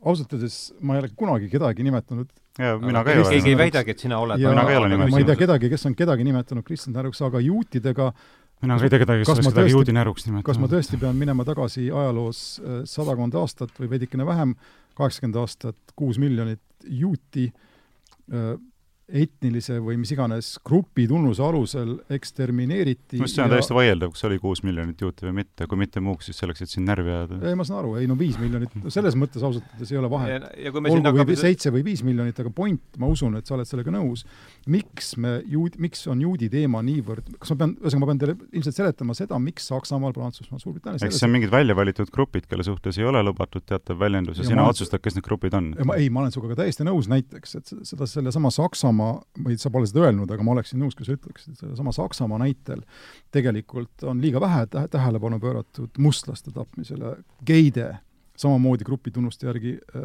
ekstermineerimisele ja nii edasi, aga selle juur on igal pool seesama, need katoliiklaste. katoliiklasi üldiselt nad tegid diilikatoliiklastega, aga no ükskõik no see on ka Aga väga problemaatiline väide. no see on, Poola on näiteks koht, kus jah, üritatakse neid numbreid saada nüüd võrdseks, et juute tapeti sama palju kui poolakaid, aga see on juba, see on kohutav minu arvates, aga mida ma tahan öelda, see, selle asja nagu sügavam juur on selles, et juudinaru viitab ikkagi konkreetsele ajaloolisele inimsusevastasele kuriteole ja selle kasutamine, juba sellesama juudi grupeeriva termini kasutamine Eesti poliitilises diskursuses toob üles ka kõik need asjad, eks, mis kaasnevad siis juudiks olemisega ja see on lubamatu, lubamatu minu jaoks. Samamoodi nagu ka lilladeks kutsumine on lubamatu ja nii edasi, aga juutidega lilladeks ka kutsumine on ka juba lubamatu, sama no selles sama, mõttes, et, selles mõttes, et kol-, kolmkümmend, oota, kas ma vastan sulle, kolmkümmend aastat tagasi me elasime ühiskonnas ja kõik oleme piisavalt vanad mäletada seda, kus geiks olemine oli kriminaliseeritud, sa läksid kinni. ja see on viide sellele samale, kõik need asjad on seal taga, taustana olemas. lihtsalt ma ei jõua ju ka järge pidada siin, et mis on nüüd lubatud ja, ja, ja, ja mis on parajasti mitte No no,, aga- et see see- on pigem niisugune uudis no geis, geis, ongi just- geise võid olla, kui sa tahad tänapäeval. eks see ongi ju selle probleemi tuum, noh. no just. et lihtsalt, et kust tuleb siis see kataloog sõnadest, mida enam ei tohi kasutada. kas need ei ole sõnad? Need on ideed, mis no ja, ja kes siis on otsust-, kes otsustab siis sellele, kust lähevad lubavad, lubatavate ideede ja lubamatute ideede ja lubatavate väljenduste ja lubamatute väljenduste piirid, et siis meil peaks olema mingisugune ideoloogiakomisjon, mis moodustab mingisugusest ideoloogiakomissaridest, kes patrullib sotsiaalmeediat, kes patrullib avalikku meediat, kes patrullib minu poolest kas või mingisuguseid partei koosolekuid või ma ei tea, klassiruumides, mida õpetajad räägivad õpilastele, minu poolest mingisuguseid korporatsioonivestlusi, ühesõnaga, mis meist niimoodi nagu saab, ma tahaksin su käest küsida, et kuidas sa nagu kõike seda kokku paned selle väitega, mida sa eelmises saates rääkisid, et sina oled Eesti nagu põhiline klassikaline liberaal, et noh, kui sa võtad lahti John Stuart Milli va- Vabadusest ja hakkad lugema, mida ta räägib sõnavabadusest, sa näed, et sa oled temaga absoluutses konfliktis ja, ja, ja raskekujulises konfliktis, eks. ta räägib oma kahjuprintsiibist ja ja sõnavabadusest veel rõhut-, mul, ma ei, mul ei olnud aega seda ausalt öeldes praegu üle lugeda, ma isegi mõtlesin, et võiks seda teha, aga nii palju, kui ma mäletan, sõnavabadusest rääkides ta eriliselt rõhutab, et väljaütlemisi ei tohi käsitleda kahju tekitamisena. ja vaba ühiskond kindlasti ei tohi hakata riigivõimu kasutama selleks, et äh, tungida inimeste vabadusse üksnes põhjusel, et nad väljendavad mingisuguseid seisukohti, mis on siis riigivõimule ebameeldivad või vastuvõetamatud. kuidas sa paned kogu selle nägemuse, mida sa praegu väljendad, kokku väitega, et sa oled klassikaline liberaal? ma ei, ma ei saa sellest lihtsalt aru, minu meelest see on täiesti, täiesti vastuolus. hea meelega vastaks ka Hardo, Hardo keele, keele, keelab ma keele, ma tahan ise siin ka lihtsalt vahele öelda, et ma olen lõpuks ikkagi saatejuht, kui ma tohin meelde tuletada ikka autoritaarsed kalduvused löövad lõpuks no see eh, diktaatori uss on iga inimese südames, me peame sellega tegelema. ja allumine õigustatud autoriteedile on muidugi igati, igati kohustuslik. jaa. ei, ma lihtsalt tahan, et üritame nüüd jällegi tulla selle juurde tagasi, et kus meil see ühisosa oli. ja, ja meil ja mulle tundus, et see ühisosa oli meil selles, et me, et me anname aru, et sõnavabadus, sõnavabadus toetub millelegi. Ja nüüd on siis see küsimus see, et kuidas, et mis see on, millele see sõnavabadus äh, toetub. ja ja need on ikkagi mingid kirjutatud ja kirjutamata reeglid ja, ja mulle tundub, et nüüd üks osa sellest äh, seltskonnast, kes, kellel on siin suur osa, ongi olnud, hoiak on olnud selline, et, et reeglid piiravad inimesi. Need ei tohi olla, sest inimese tõeline autentsus ja vabadus sellest sõltub, need reeglid seda takistavad, nende reeglite, nende reeglite allikaks on siis seesama patriarhaal, patriarhaalne perekond, mille vastu tuleb võidelda aga nüüd kummatigi, kui need reeglid on lammutatud, siis hakkavad nad tulema tagasi kõik sealt on arusaam, et no kas või needsamad küsimused, kus me oleme ühel nõul, et et mingi ühise, mingid reeglid, mingid keelat-, noh, keelatud sõnad on ikkagi, on ikkagi vajalikud ja kuidas need ja, ja praegu tundub, et et nende reeglite kehtestajaks ainsaks ongi meil järele jäänud riik, et kas sul veidi tagurpidi ei ole siin praegu, Varro on terve saate kaitsnud seda libertaarset positsiooni, et kõik peaks olema lubatud, vastasel juhul tuleb halb ühiskond ja mina olen üritanud mingisuguseid printsiibist lähtuvaid reegleid kehtestada. mina olen püüdnud terve saate kaitsta liberalismi baaspõhimõtteid inimese eest, kes nimetab ennast Eesti esiliberaaliks. täpselt, ei, pole kunagi nimetanud ütleb, et Eesti peamine klassikaline liberaal või kuidas see eelmine saade no, ütles? võimalik, aga põhimõtteliselt Hardol on praegu asi tagurpidi, sest et Nii, mina, mina ei tule ju pat-, patriarhaalsete reeglite nimel, vaid ma vastupidi, ma üritan teistsuguseid reegleid kehtestada patriarhaalsele inimesele. see ei ole nii lihtne keegi ei väidagi, et see, keegi ei väidagi, et see lihtne on. Nüüd on küsimus ikkagi selles, et et see, mida, mida mina siin, mitte et ma nüüd oleks nüüd viimasel ajal väga hoolega nagu, väga hoolega tudeerinud, aga, aga mulle tundub, mulle tundub niimoodi, et ikkagi suur osa seltskonnast kavatse- ja ma seostan ka seda pigem sellise vasak, vasaktiivaga on seni arvanud, et nad saavad riiki kasutada oma siis tuleviku ja arusaa-, arusaama pealesurumiseks äh, ülejäänud ühiskonna ja nüüd, kus nad tunnevad, et see riik hakkab nende äh, ja siis, ja sel, ja sel perioodil olid meil esi, siis äh, esiplaanil sellised teemad nagu viha ja vaenukõne. ja nüüd, kus, kus seltskond, ütleme siis vasaktiib, tunneb põhja, võib-olla põhjendatud, võib-olla mitte, et see instrument hakkab nende käest ära ribi-, libisema, siis nüüd on järsku tulnud äh, esikohale äh, teemaks sõnavabadus, mis äh, noh, ütleme siin võib-olla aasta-paar tagasi jäi veel vihakõne ja, ja siis äh, vaenukõne varju, et mis sa, Ahto, selles, kuidas sa sellele küsimusele vastaksid? see vastus ei meeldi sulle no,? sama vähe no, miks ma, selleks ma, sa ometi ei arva, et ma, see mind üllatab?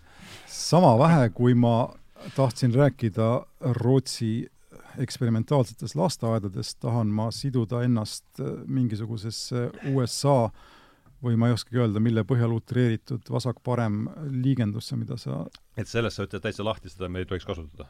ei no ma, minu puhul mitte, ma ei, mina ei tea, ma ei tea, et ma oleksin elu sees Hillary Clintonit lugenud millekski muuks kui aktsepteeritavaks ja ainuvõimalikuks alternatiiviks sellele oranžile hullusele, eks, nüüd kui ma luban endale juba kommunistlikku keelekasutust, ehk siis Donald Trumpile, aga millegi muu osas mina, ma ei tea, Hillary Clinton ei esinda mind ega mina teda, eks.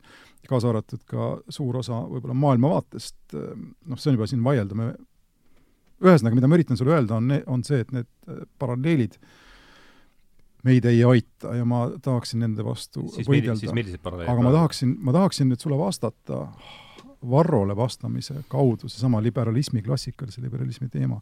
mill on natukene libe pind selles mõttes, et mill on utilitarist kui sa võtad ta nii-öelda viimase analüüsi vaated, siis ta on veidikene see mees, kes ütleb, et kui muud valits-, kui muud lahendust ei ole, tapke nad kõik, jumal tunneb omad ära, eks noh, see on natuke utreeritud, aga, aga ta ei ole inimene, kes seaks libertaarselt, nagu sa mulle tundud olevat, libertaarne, eks.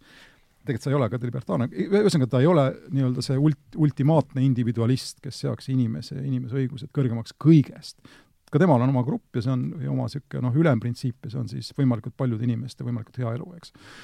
ja selles mõttes Mill ei ole tegelikult puhas liberaal, mis ei tähenda seda, et ma tahaksin nüüd seeläbi diskrediteerida seda, mida tema ütleb arvamusvabaduse kohta. ma lihtsalt tahtsin selle panna siia sisse, aga mida ta ütleb arvamusvabaduse kohta, ütleb ta ühiskonnast, mille konstitutsiooniline pretsedent või ütleme noh, selline elav konstitutsiooniline ajalugu läheb tagasi, juba tema, tema ajal läks tagasi ähm, kuussada aastat vähemalt aastast tuhat kakssada viisteist Magna Cartasse, eks, loetakse Briti, suur, ütleme Inglismaa paberil mitte eksisteeriva konstitutsiooni esimeseks selliseks osaks.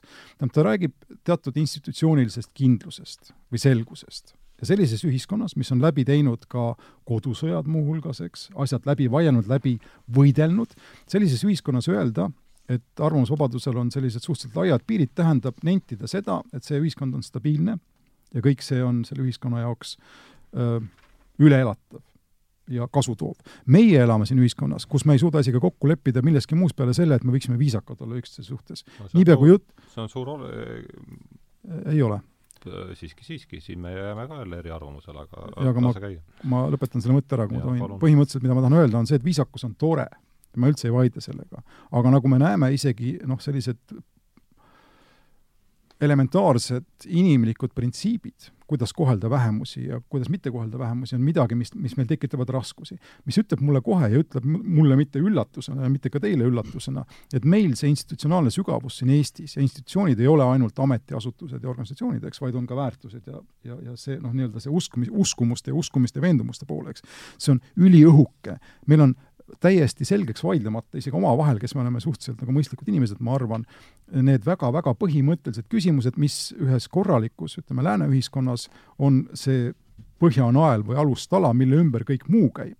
ja mill, ma tulen tagasi nüüd, räägibki selle alustala kindlust teades või seda põhjanaela selgelt tundes, sõnavabadusest, eks, kui kui meie siin räägime sõnavabadusest äh, stiilis, kas me võime neegrit neegriks nimetada, kas võime öelda talle, et ta pole päris sama intelligentne nagu meie, siis millile sellised asjad mutatis, mutat-, mutatis mutandis, eks, ei ole mõeldavad, noh, ta on ka üheksateistkümnenda sajandi laps muidugi, tal on omad probleemid, aga põhimõtteliselt ta räägib institutsioonidest, äh, mis on elatud tema ühiskonnas aastasadu, meie räägime institutsioonide keskelt, mille, mis on meile laenatud viimase kolme, kolmekümne aasta jooksul kokku ja mis ei ole ka erilisi juuri ajanud, nagu näha on, sest et me ei lepi kokku isegi põhimõttelises printsiipides, välja arvatud viisakus. muuseas, viisakus on see esimene asi, pärast mida, või kuidas öelda nüüd, kus ühiskonnad tulevad sõjast välja. See on see põhjus, miks Suurbritannia parlamendis on siiamaani need jooned, mis on kahe poole vahel, eks, ja need jooned on selle põhimõttega, et sa ebaviisakalt teist ei saaks mõõgaga katsuda ja samamoodi kogu see tolerantsi idee modernses vormis tuleb ususõdadest, pärast sadu, rohkem kui sada aastat kestnud väga veriseid sündmusi põhi, põhiliselt Saksamaal, selleks, et üldse eluga edasi minna, tuli harjuda ära sellega, et sa lihtsalt ei võta teise inimese usku kõneks ja sul on poliitiline settlement, mis keelab selliseid erinevusi arutada, selleks, et ei tuleks enam verevalamist, eks. me oleme tegelikult selles samas faasis praegu, ainult et õnneks mitte pärast sõda, vaid lihtsalt pärast mingit no ma arvan, et see on liialdus, esiteks me ei ole sellises faasis, ei ole siin mingit verevalamist, ükskõik mis teemast ei, seda küll, aga miks me printsiipides ei ole kokku, miks meie ühiskonnas ei ole ühtsust printsiipides, nendes põhi, põhilistes printsiipides? meil on tegelikult ühtsus ja meil on tegelikult kokkulepe ka olemas, aga meil seda viimasel ajal püütakse kõigutada pidevalt ja, ja minu meelest selles paljuski see nii-öelda kultuurisõjaline situatsioon seisnebki, et ühel pool seisab äh, leer, kes tahaks, et meie ühiskonnas jääks püsima need printsiibid, millest lähtudes äh, meie ühiskond on olnud korraldatud. teisel pool seisab leer, kes äh, tegelikult nõuab mingisuguse uue ideoloogilise programmi elluviimist ja olemasolevate kokkulepete tegelikult kõrvaleheitmist. sa ei mõtle Nõukogude Liitu siin see et... ei, ma mõtlen praegust eksisteerivat põhiseaduslikku korda, eks. näiteks minu meelest seesama vaenukõne kehtestaminegi või kriminaliseeriminegi on selgelt püüdlus heita kõrvale seni kehtinud ühiskondlikku kokkulepet, eks, et me ei hakka kriminaalõiguslike vahenditega maha suruma äh, vaba eneseväljenduse õigust, noh. see on fundamentaalne lahknemine olemasolevast poliitilises äh, ühiselu kokkuleppest. kas ma tohin veel küsida vahele täpsustuseks? no mul oli endal ka tegelikult mõned küsimused siin, aga sorry, ma lihtsalt, aga ühesõnaga ma küsin sinu nii-öelda jutu lõppu, sina küsi siis pärast uue teemana, aga äh, mul tuleb ka nagu järjest nüüd pähe neid näiteid ja neid mõtteid. meie põhiseaduses, millele sa viitad, siin on väga selgelt öeldud või keelatud ära, keelatud diskrimineerimine mm. erinevate grupitunnuste alusel, eks. nüüd Vabariigi Valitsuse minister näiteks, kes ähm, väljendab rassistlikke vaateid või homofoobilisi vaateid, minu arvates sa tõlgendad Vabariigi põhiseadust siis äärmiselt paljulubavalt, kui sa ütled, et see ei ole diskrimineerimine või seda ei saa üldse kvalifitseerida diskrimineerimisena, inimene võimupositsioonilt ütleb selliseid asju. ja sellisel juhul, mis see, mis see põhiseadus üldse tähendab? kui, kui, kui teda nii vabalt tõlgendada? no ma ei tea, ma peaksin võib-olla sinu käest küsima algatuseks, mida sa diskrimineerimise all silmas pead?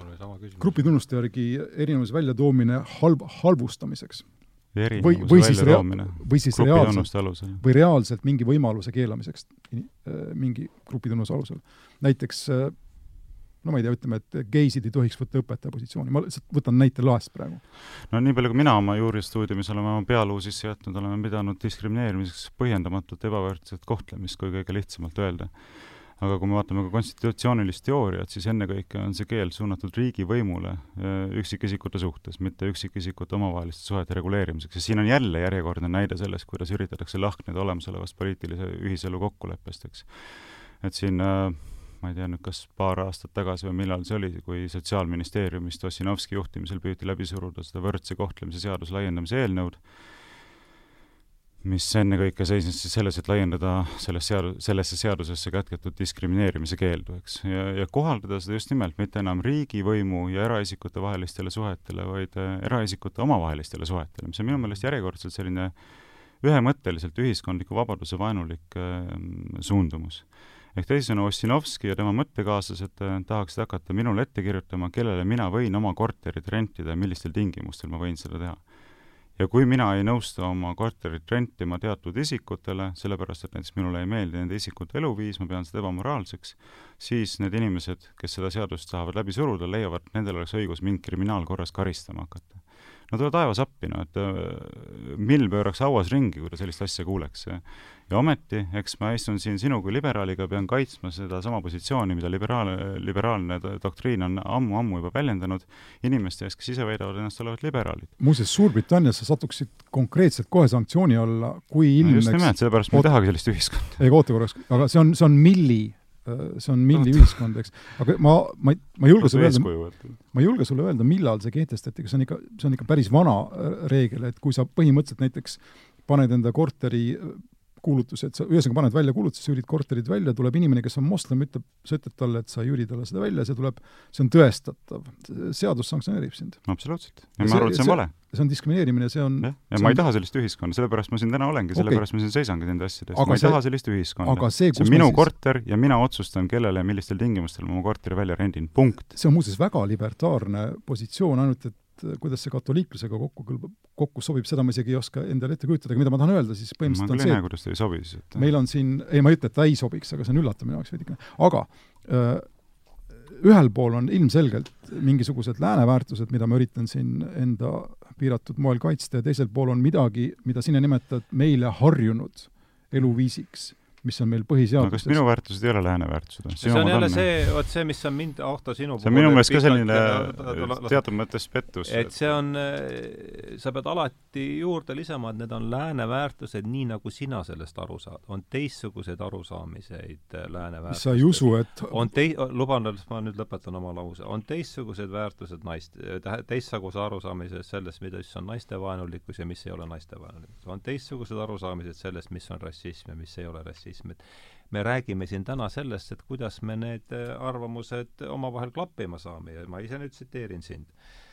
sa küsisid siin äh, viiskümmend või ütleme, viis, kuus, seitse minutit tagasi retooriliselt, miks meie ühiskonnas ei ole kokkulepet printsiipides ma ei hakanud sulle siin vahele hõikama, et see on ju, äh, et sa ajad siin mingit Rousseau joru, et aga sisuliselt me räägime sama asja, miks me ei suuda mingites asjades kokku leppida.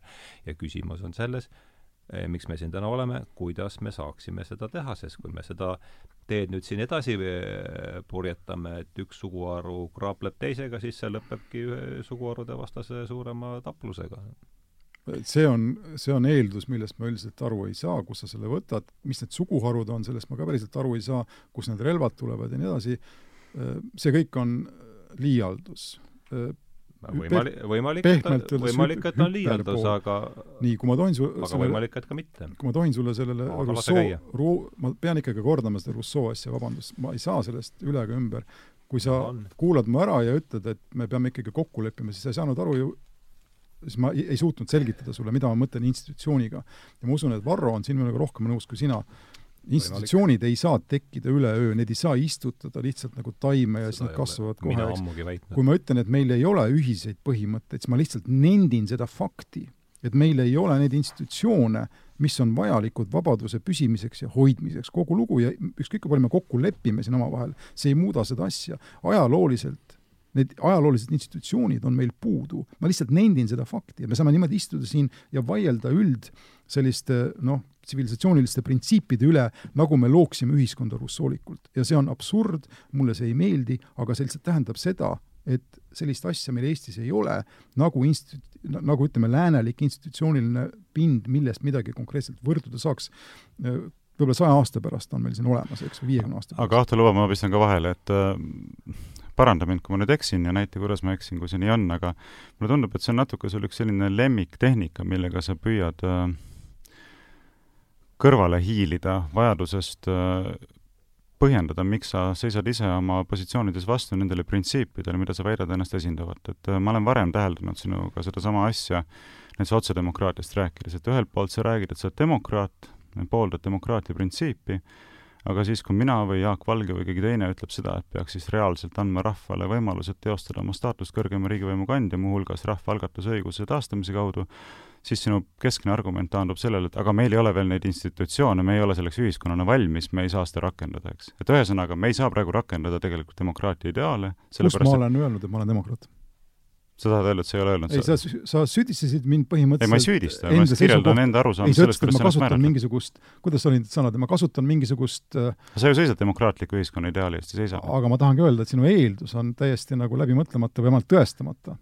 Kus sa võtad selle lükka see ümber, mille eest sa seisad, kui sa demokraatliku ühiskonna see on nüüd teema, kuhu me võib-olla, meil ei ole võib-olla aega minna, aga aga... ei, nagu kui lühidalt, no selles mõttes okay. demokraatia ei ole sinu ühis-, riigielu võtame selle aja, see tundub olevat huvitav. aga oota, ma lõpetan oma mõtte selles mõttes ära, et, et ja, ja nüüd noh, tegelikult täpselt sama mustrit me näeme siin ka, et, et, et mina ütlen, et kuule, et see väljendad seisukohti, mis on elementaarselt vastuolus äh, liberalismi baaspõhimõtetega, olgugi et sa väidad ennast olevat liberaal, ja siis ütled, et nojah, aga me ei saa neid põhimõtteid rakendada, sellepärast et meie ühiskond ei ole selleks põhimõtteliselt valmis, eks. meil ei ole neid institutsioone veel ja meil ei ole seda poliitilist kultuuri ja nii edasi, et noh, ja põhimõtteliselt niimoodi võib öelda alati, ma küsin su käest saja või kahesaja aasta pärast uuesti, kuule Ahto, et kas me nüüd oleme valmis siis neid printsiipe rakendama meie ühiskonnas, mida sa väidad ennast ise esindavat, ja siis vastad, kuule Varro, et, et ikka veel ei ole valmis, et natuke hakkab sellist nagu Ülemiste vanakese lugu meenutama, eks, et lõppude lõpuks ei olegi kunagi valmis.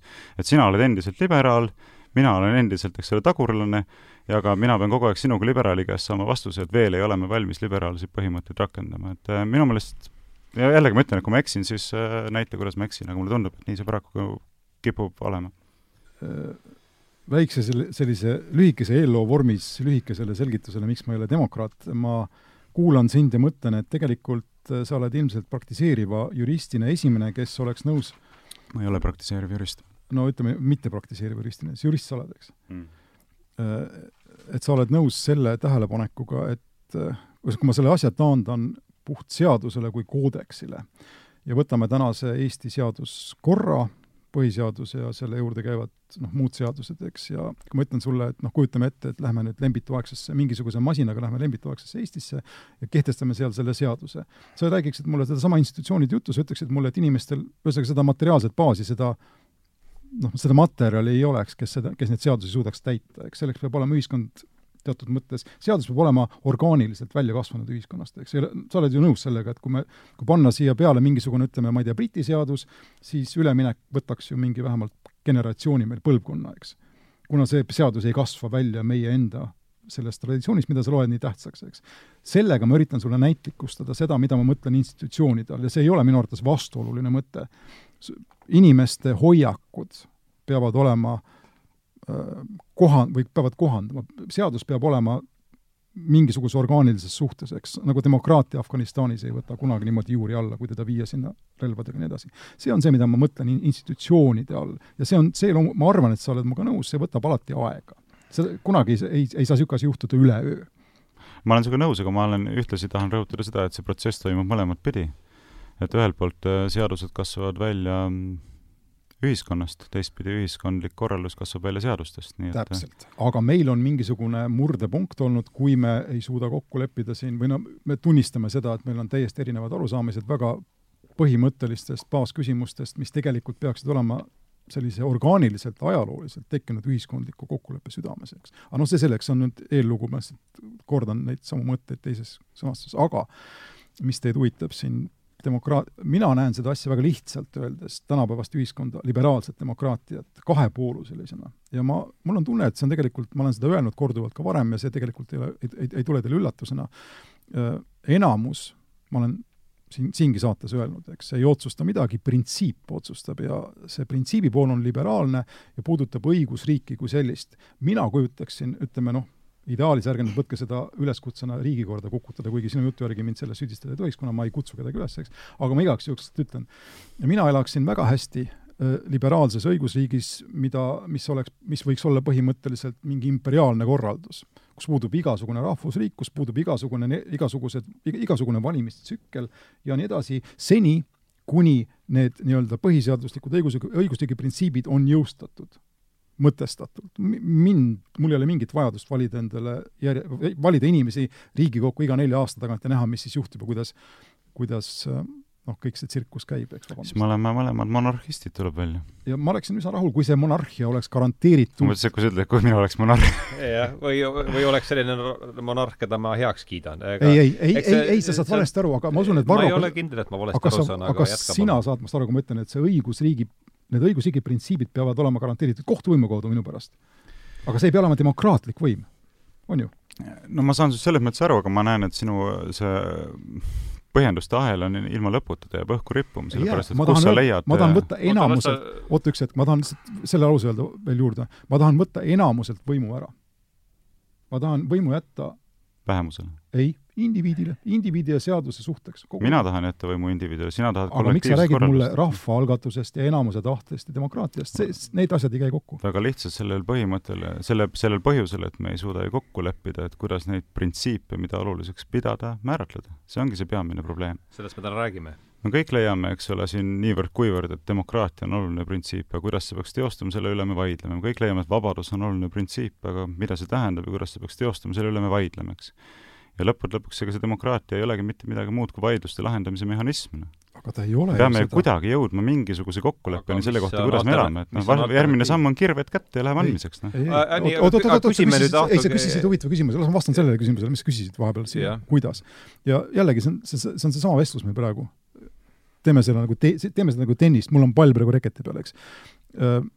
Kuidas lahendada neid dispuute, ei saa ju olla, võtame näite natukene kaugemalt, võtame näite Põhja-Aafrikast, kus, kust on pärit selline printsiip, mida inglise keeles nimetatakse one man, one vote, once see on põhimõtteliselt ajaloolise reaalsuse kirjeldus ühiskondades, mis, kus revolutsioon on murdnud läbi mingisugustest sõjaväelistest diktatuuridest ja on tehtud rahva, ühesõnaga tehtud valimised, eks, on võitnud islami fundamentalistid. Ja mis tähendab siis seda, et igal inimesel oli üks hääl, aga üks kord ja kogu lugu, vabandust, see sõrm ei olnud siin midagi. Äh, põhimõtteliselt saate aru, mida ma siin kirjeldan, eks. kui me see, kui me nüüd, kui te nüüd seda nagu näidet tajute või seda aru saate, mida ma tahan öelda, siis demokraatia ei ole isegi ligilähedaselt mõeldav mingisuguse lahendusmehhanismina Mm. ühiskonnas, sellises ühiskonnas ja ma pakun teile, et meie ühiskond pole ka selleks valmis. mis on lahendusmehhanism, on toimiv õiguskord, mida järk-järgult viia siis tsivilisatsiooni normide, normidele lähemale ja selles mõttes ega islam ei ole väga kaugel ka meist, kui need normid, normideks destilleerida. ja siin, see on see, mida ma tahan öelda ja apelleerida va-, Varrole kui juristile. siin on lahendusmehhanismid, mitte selles, mida võib üks muutuv volatiilne enamus tahta täna või homme või ülehomme seal pole mingit garantiid. no aga jah, küsimus on nüüd selles, et kes neid norme teab siis, kus, kust need normid tulevad? õiguspraktika, sajandid, sajandid, institutsioonid me oleme laenanud endale Inglismaa omad või no, Saksamaa omad. põhimõtteliselt ei tähenda see mitte midagi muud kui seda, et sa tahad anda võimu väikese grupi kohtunike kätte, kes siis ütlevad meile, et äh, millised need printsiibid on, mille kohaselt me peame elama ja kirjutavad meile need ette. ühe agaga, nemad alluvad Euroopa äh, kohtule kus on siis järgmine tasand, neid veel väiksem grupp inimesi, kes kirjutavad meile ette, kuidas me peame elama. aga seal on institutsiooniline järjepidevus, mis läheb tagasi orgaaniliselt ajaloos kaheksasada aastat. ja institutsiooniline äh... järjepidevus ei taga mitte kunagi moraalset usaldusväärsust, et äh, igas, ükskõik kui pikas traditsioon, ükskõik kui pika traditsiooniga institutsionaalses süsteemis võivad ilmuda välja inimesed, kes on moraalselt korrumpeerunud ja hakkavad langetama moraalselt korrumpeerunud otsuseid. Noh. loomulikult, aga ütle mulle nüüd, kust on pärit pra-, need praktilised väärtused, mis peaksid sinu arvates ühiskonnaelu korraldama, sa kipud aeg-ajalt mulle jätma muljet, et need on võimalik kusagilt avastada nagu mingisuguse ilmutusena. mina ütlen sulle ja ma omast arust olen väga mõistlik. aga mina ütlengi nii, ma olen katoliiklane, ma usun reaalselt jumalikku seadusesse, ma usun loomuseadusesse. aga ju aga sellepärast ma ütlengi, et sinu süsteem jääb õhku rippuma, minul on see lõplikult ära lahendatud. ja aga sa ei, aga kuidas sa lahendad minu jaoks midagi ära, kes ma, kes mina ma ei lahenda sinu jaoks ära, ma lahendan enda jaoks aga ära. me jagame ühiskonda. vaata, mida ma üritan öelda, on see, meile parim teadaolev ühiskonna korraldamise viis on laialt, ütleme, õhtumaised väärtused, eks, ärgem hakakem neid praegu siin täpselt defineerima, aga sellega sa oled nõus. sest me ei saa seda viia selle peale, kas ma usun Jumalasse või mitte, ma ei usu Jumalasse, meil puudub igasugune kokkupuutepunkt sel juhul. aga mida ma tahan öelda, on see, sinna ma tahan jõuda välja praegu, et seesama, kui me lepime sellega, et need õhtumaised väärtused midagi tähendavad, siis nad tähendavad midagi ainult läbi selle, et katse-eksitusmeetodil st- stabiilsuse, ebastabiilsuse, stabiilsuse ja nii edasi etappide järel nad on akumuleerunud teatud ühiskondades, neil on mingi ajalooline süvis, eks. Jaa, kas see ei pruugi viia positiivsete tulemusteni, ma ei tea, rassism on ka äh, akumuleerunud ühiskondlik institutsioon, eks ole orjapidamine või orjakaubitsemine. Aga need ühisk- väga, väga pika juurega, seda võis üheksateistkümnendal sajandil ka öelda niimoodi, et ei, aga vastupidi, kaks-kolm sajandit me oleme näinud, et need kõik asjad on äh, välja heidetud, see on ju hea märk, ei ole või? Needsamad orgaaniliselt tekkinud struktuurid on välja heitnud rassismi, orja, orjapidamise ennem siis ja toonud asemele näiteks massilise sündimata laste tapmise, et jah. aa, vot siin me läheme nüüd lahku, jah, see on.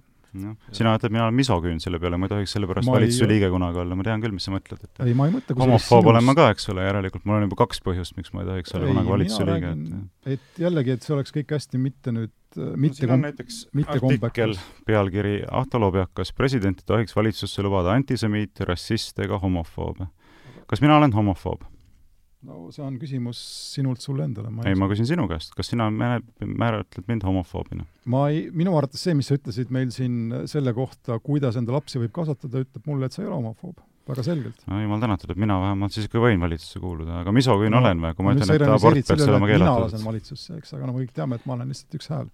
Ega ma ütlen sulle, et abort peaks olema keelatud, minu meelest sündimata laste tapmine peaks olema keelatud. vaidluse teema, USA toob sulle näite, Suurbritannia, Iirimaa näitab sulle, et see on vaidluse teema. ei, ma ei taha sel teemal vaidlema hakata, ma küsin, kas ma olen sellepärast misoküün, et ei ole, aga ma võin sulle, ma tahan sulle öelda sama, samamoodi kõrvale Iiri näitel näiteks, et kas sa arvad, et on mingi point olukorral, kus riigis on abort keelatud, aga kümme tuhat naist läheb Inglismaale iga aasta ja saab selle nagunii tehtud, kas sellisel seadusel on mingi mõte? no ma ei tahagi sellest rääkima hakata, ma saan aru, ma eeldan, et sa saad ka aru, millest ma räägin, ma räägin printsiibist, ma kohe lõpetan ära, ma lõpetan, lõpetan selle mõtte lihtsalt ära, et sa tead väga hästi, et, et sa ütled, et homofoobe ei tohiks Eesti Vabariigi valitsusse lubada. Ja samal ajal sa tead väga hästi, et näiteks mind väga suur osa äh, ma ei tea, kas võib-olla sa protesteerid, kui ma kasutan väljendit sinu mõttekaaslastest, aga ütleme vähemalt noh, siis liberaalselt või vasakpoolselt meelestatud inimestest tembeldab silmagi pilgutamata homofoobiks. ehk kui sinu printsiip läheks, ja, ja, aga kui sinu printsiip läheks kehtima, et homofoobe ei tohi lubada valitsusse, siis sa põhimõtteliselt tead, et sa diskvalifitseeriksid näiteks mind ka valitsusse pääsemisest. see on nüüd väga selline kauge kaarega katse mind aheldada mingitesse seisukohtadesse, mis pole minu omad. mida me teame, me ei tohi seni, teha. kuni sa ei kutsu avalikus öö, väitluses, kuni sa ei halvusta, alaväärista ja nii edasi, geisid avalikus diskursuses, ma ei näe mingit probleemi. ma ei, ma ei saa aru, kust see homofoobia mõte üldse tuleb. no see on lihtsalt Postimehe artikli pealkiri, ei, kus on kirjutatud. see, ei ole kirjas, ma ei kirjutanud ju Varro Vooglaiust seda artiklit, ma kirjutasin hoopis midagi muud. ei no seda küll, aga lihtsalt küsimus on selles, et sina määratled mingisugused kategooriad inimestest, kes ei tohiks valitsusse kuuluda, ja siis äh, tekib küsimus, et äh, millisel alusel okei ja millisel, millisel ühiselt jagatud alusel äh, on see määratlus siis äh, millisele ühiselt jagatud alusele see määratlus baseerub ja see ongi kogu selle vaidluse tuum tegelikult, et kes siis järsku- lõpuks see otsustaja on, et oota, aga järsku see on lihtsalt kinni praegu terminoloogias. võib-olla kogu see mõte, kogu see mõttevahetus on olnud siin suhteliselt äh, mõttetu viimased poolteist tundi, kui me oleksime algusest peale kokku leppinud, et tuleb olla viisakas. Ja mina oleksin öelnud, et homofoobia on ebaviisakuse vorm, ma arvan, et te kõik nõustute sellega teatud tingimustel ja olekski olnud kõik tehtud. aga abordi osas ma tahan muuseas öelda vahele, sulgudesse, et ma olen esimene inimene, kes, mitte esimene, aga no ütleme, ma, ma tunnistan, ma olen, ütleme, mõistliku inimesena, mina olen abordi vastu, ma olen selles, ma olen selle poolt, et igal naisel on õigus otsustada oma ihuvilja üle teatud piirides, aga kuna sellele on seatud piir kõikides lääne ühiskondades, see piir on ju ilmselgelt öö, suvaline. Ja kui ma sellega nõustun, siis ma olen ka nõus, nõus arutama, kas võiks olla üks päev varem või minu pärast nädalaga varem või nädalaga hiljem, eks. ma olen loomulikult avatud sellisele vestlusele, ma ei näe abordis sellist fikseeritud viisakusetust, nagu äh, ministri poolt öelda, et, et keegi on lilla või keegi ajab mingisugust homopropagandat, see on hoopis teine asi nii, äh, ma nüüd küsiks ka vahepeal sinna, meil on siin poolteist tundi oleme me siin juba mõttetult või mõttekalt, eks seda aeg näitab äh, aega või siis elu näitab äh, aega viitnud, et on aega hakata mõtlema selle jutuajamise koomale tõmbamise peale. Ja ja ma olen sind, Ahto, nüüd päris palju kuulanud ühes või ja teises vormis, et luba ma äh, summeerin sinu seisukoha see on alati halb mõte. ja, äh, ja aga annan sulle kohe võime ja ma natuke ka kindlasti karikeerin seda. võib-olla sinust saab esimene inimene, Hardo, kes on seda kunagi suutnud teha natuke karikeerin seda kindlasti, aga ma annan sulle kohe vastuväiteks äh, võimaluse näidata, kus ma sulle liiga tegin. sa rõhutad institutsioonide tähtsust, äh, nõus, ja sa nõutad, rõhutad seda, et et äh, noh, meil ei ole tõesti seda kaheksasada aastat võtta, kui inglased oma Magna Carta tegid, äh, noh, ei teadnud sakslasedki veel, sakslased on rääkimata me, meist siin. et see on ka nüüd kahtlemata õige, et me ei ole nagu niisugune inglaslik äh, demokraatia ja seetõttu, kuivõrd me seda ei ole, siis me oleme sellised noh, mis mõttes demokraatia äh,? ega sa juba eksid, me ja, ei ole inglise tüüpi konstitutsiooniline liberalism. nii, hästi. me ei ole, ühesõnaga, me ei ole päris täisväärtuslik ühiskond ma arvan, et ma karikeerin, me ei ole päris täisväärtuslik ühi-, me ei ole päris täisväär- oh,, väga hea. me ei ole päris täisväärtuslik ühiskond ja seetõttu peavad meid lähema järg-, järgmise kahesaja aasta vältel valitsema Twitteri avangardi hulgast värvatud äh, valgustuskomissaarid. no nüüd ma panin siin Euroopa Kohus nüüd ma panin kõvasti värvi juurde, aga ole hea äh,, ütle, mis, miks, kus ma sinust kõik valesti aru sain? kõik on õige, ma torkasin maha need mõtted, ma ei saa aru, olles pidanud nii et see põhimõtteliselt on, võtsin ma su seisukohad päris kenasti kokku? ei no Varroga me arutasime pikalt seda, äh, mis asi on demokraatia ja libera-, liberaalsuse, liberalismi vahe mm. -hmm. ja ma ütlesin, et ma ei ole demokraat. et ei ole mõtet mulle panna süüks, et ma siin pean meid kehvaks demokraatiaks. see, seda sa äh, ma pean meid kehvaks liberaalseks ühiskonnaks, jah, ja siin tõesti kas siis võiks see... öelda, ma korra pistan vahele, et sa ei poolda mitte liberaalset demokraatiat, vaid liberaalset diktatuuri? No kui nii võib öelda, seaduse diktatuuri, õigusriigi diktatuuri. jah, et see on väikeste kohtunike ringi diktatuuri. Äh, jah, aga ütleme allutatult Euroopa kohtule alati, sest et nendel on, muidu me muidugi läheksime käest ära selle asjaga, aga aga põhimõtteliselt tulles tagasi äh, nat-, korraks veel selle Varro mõtte juurde, et kuidas ma saan niimoodi liberaal olla, siis liberaalsed väärtused on, mis see sõna on nüüd, mitte taevast antud meile, vaid vastupidi, just on tekkinud äh, ajaloolise praktika käigus on destilleeritud paremad praktikad ja kritiseeritud ja läbi vaadatud ja taasdestilleeritud ja need väärtused on need, mida ma pean liberaalseteks ja siin ma olen klassikaline liberaal, kuna ma näen nende ajaloolisust. Nad ei ole, nad on sõltumuslikud, mitte jumalast antud, eks. ma ei näe ei, aga ma arvan, me oleme selle saatega juba jõudnud päris oluliste sammudega edasi, sest et tegelikult, kui sellest saatest jääb ainuüksi see sõnum kõlama, et Ahto Lobjakas ütleb selgelt välja, et ta pooldab mitte demokraatiat, vaid liberaalset diktatuuri, siis see on tema positsioone väga märkimisväärselt selgitanud. No, ja, ja see, see ei ole üldse naljana öeldud, et, et tõepoolest, et siin me saame palju paremini aru, millest me räägime, eks ole, et, et kui sa tõesti ütled, et see on ideaal, mille eest sa seisad, siis mina ütlen muidugi veelgi suurema veendumusega, et see on ideaal, millele ma seisan vastu, sellepärast et mina ei usalda grammi võrki neid inimesi, kes äh, moodustavad kohtunikkonna selles positsioonis, kus nad peavad kogu ülejäänud ühiskonnale hakkama dikteerima, millisel viisil meie peame oma lapsi kasvatama ja oma elu elama, nii et äh, ma olen sellele absoluutselt ühemõtteliselt ja kindlalt vastu ja teen seda veendunumalt, kui ma enne siia saadet saatesse tulekut seda tegin. no see on nüüd karikeerimine. ei, ma ei karikeeri, sa ise ütlesid seda täpselt, mida ma karikeerisin siis? Sa karikeerisid kahte asja siin, ühesõnaga äh, sa karikeerid põhimõtteliselt seda kohtunike aspekti, teades, et kohtunikud ei tee seadusi, vaid interpreteerivad seadusi. kes neid seadusi siis teevad, kui need ei ole demokraatlikult valitud me oleme need sisuliselt võtnud sisse läänest.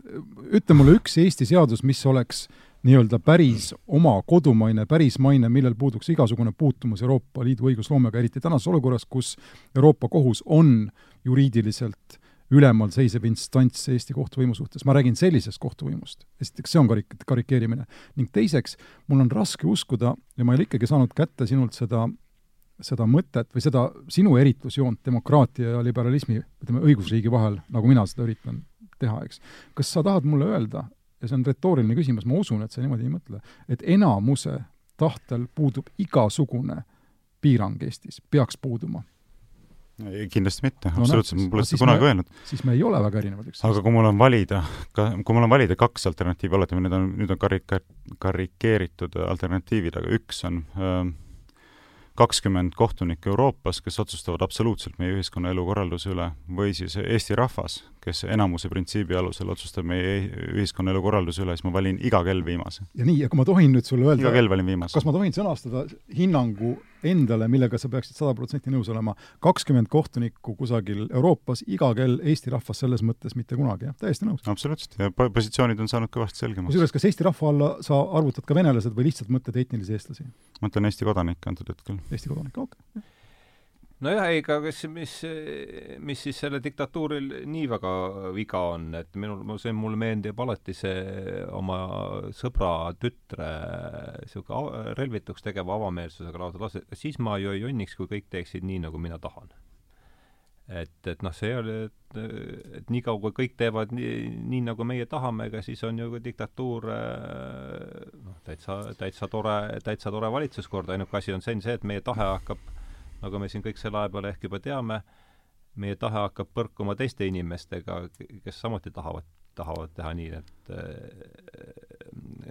kes samuti on rõõmsad siis, kui kõik teevad nii, nagu, nagu nemad tahaksid, et ma ei ole ja siin no küll jama, jama on muidugi ka selles, et tahta tuleb väga kiiresti minu paati üle, kui sinna kahekümne kohtuniku hulka hakkab sugenema selliseid vuntsidega onusid, kellele meeldib kõva häälega karjuda, et et siis hästi ruttu saab selgeks, et tegelikult see ei pruugi kõige parem mõte olla. Jah, et see diktatuur on jah, sellise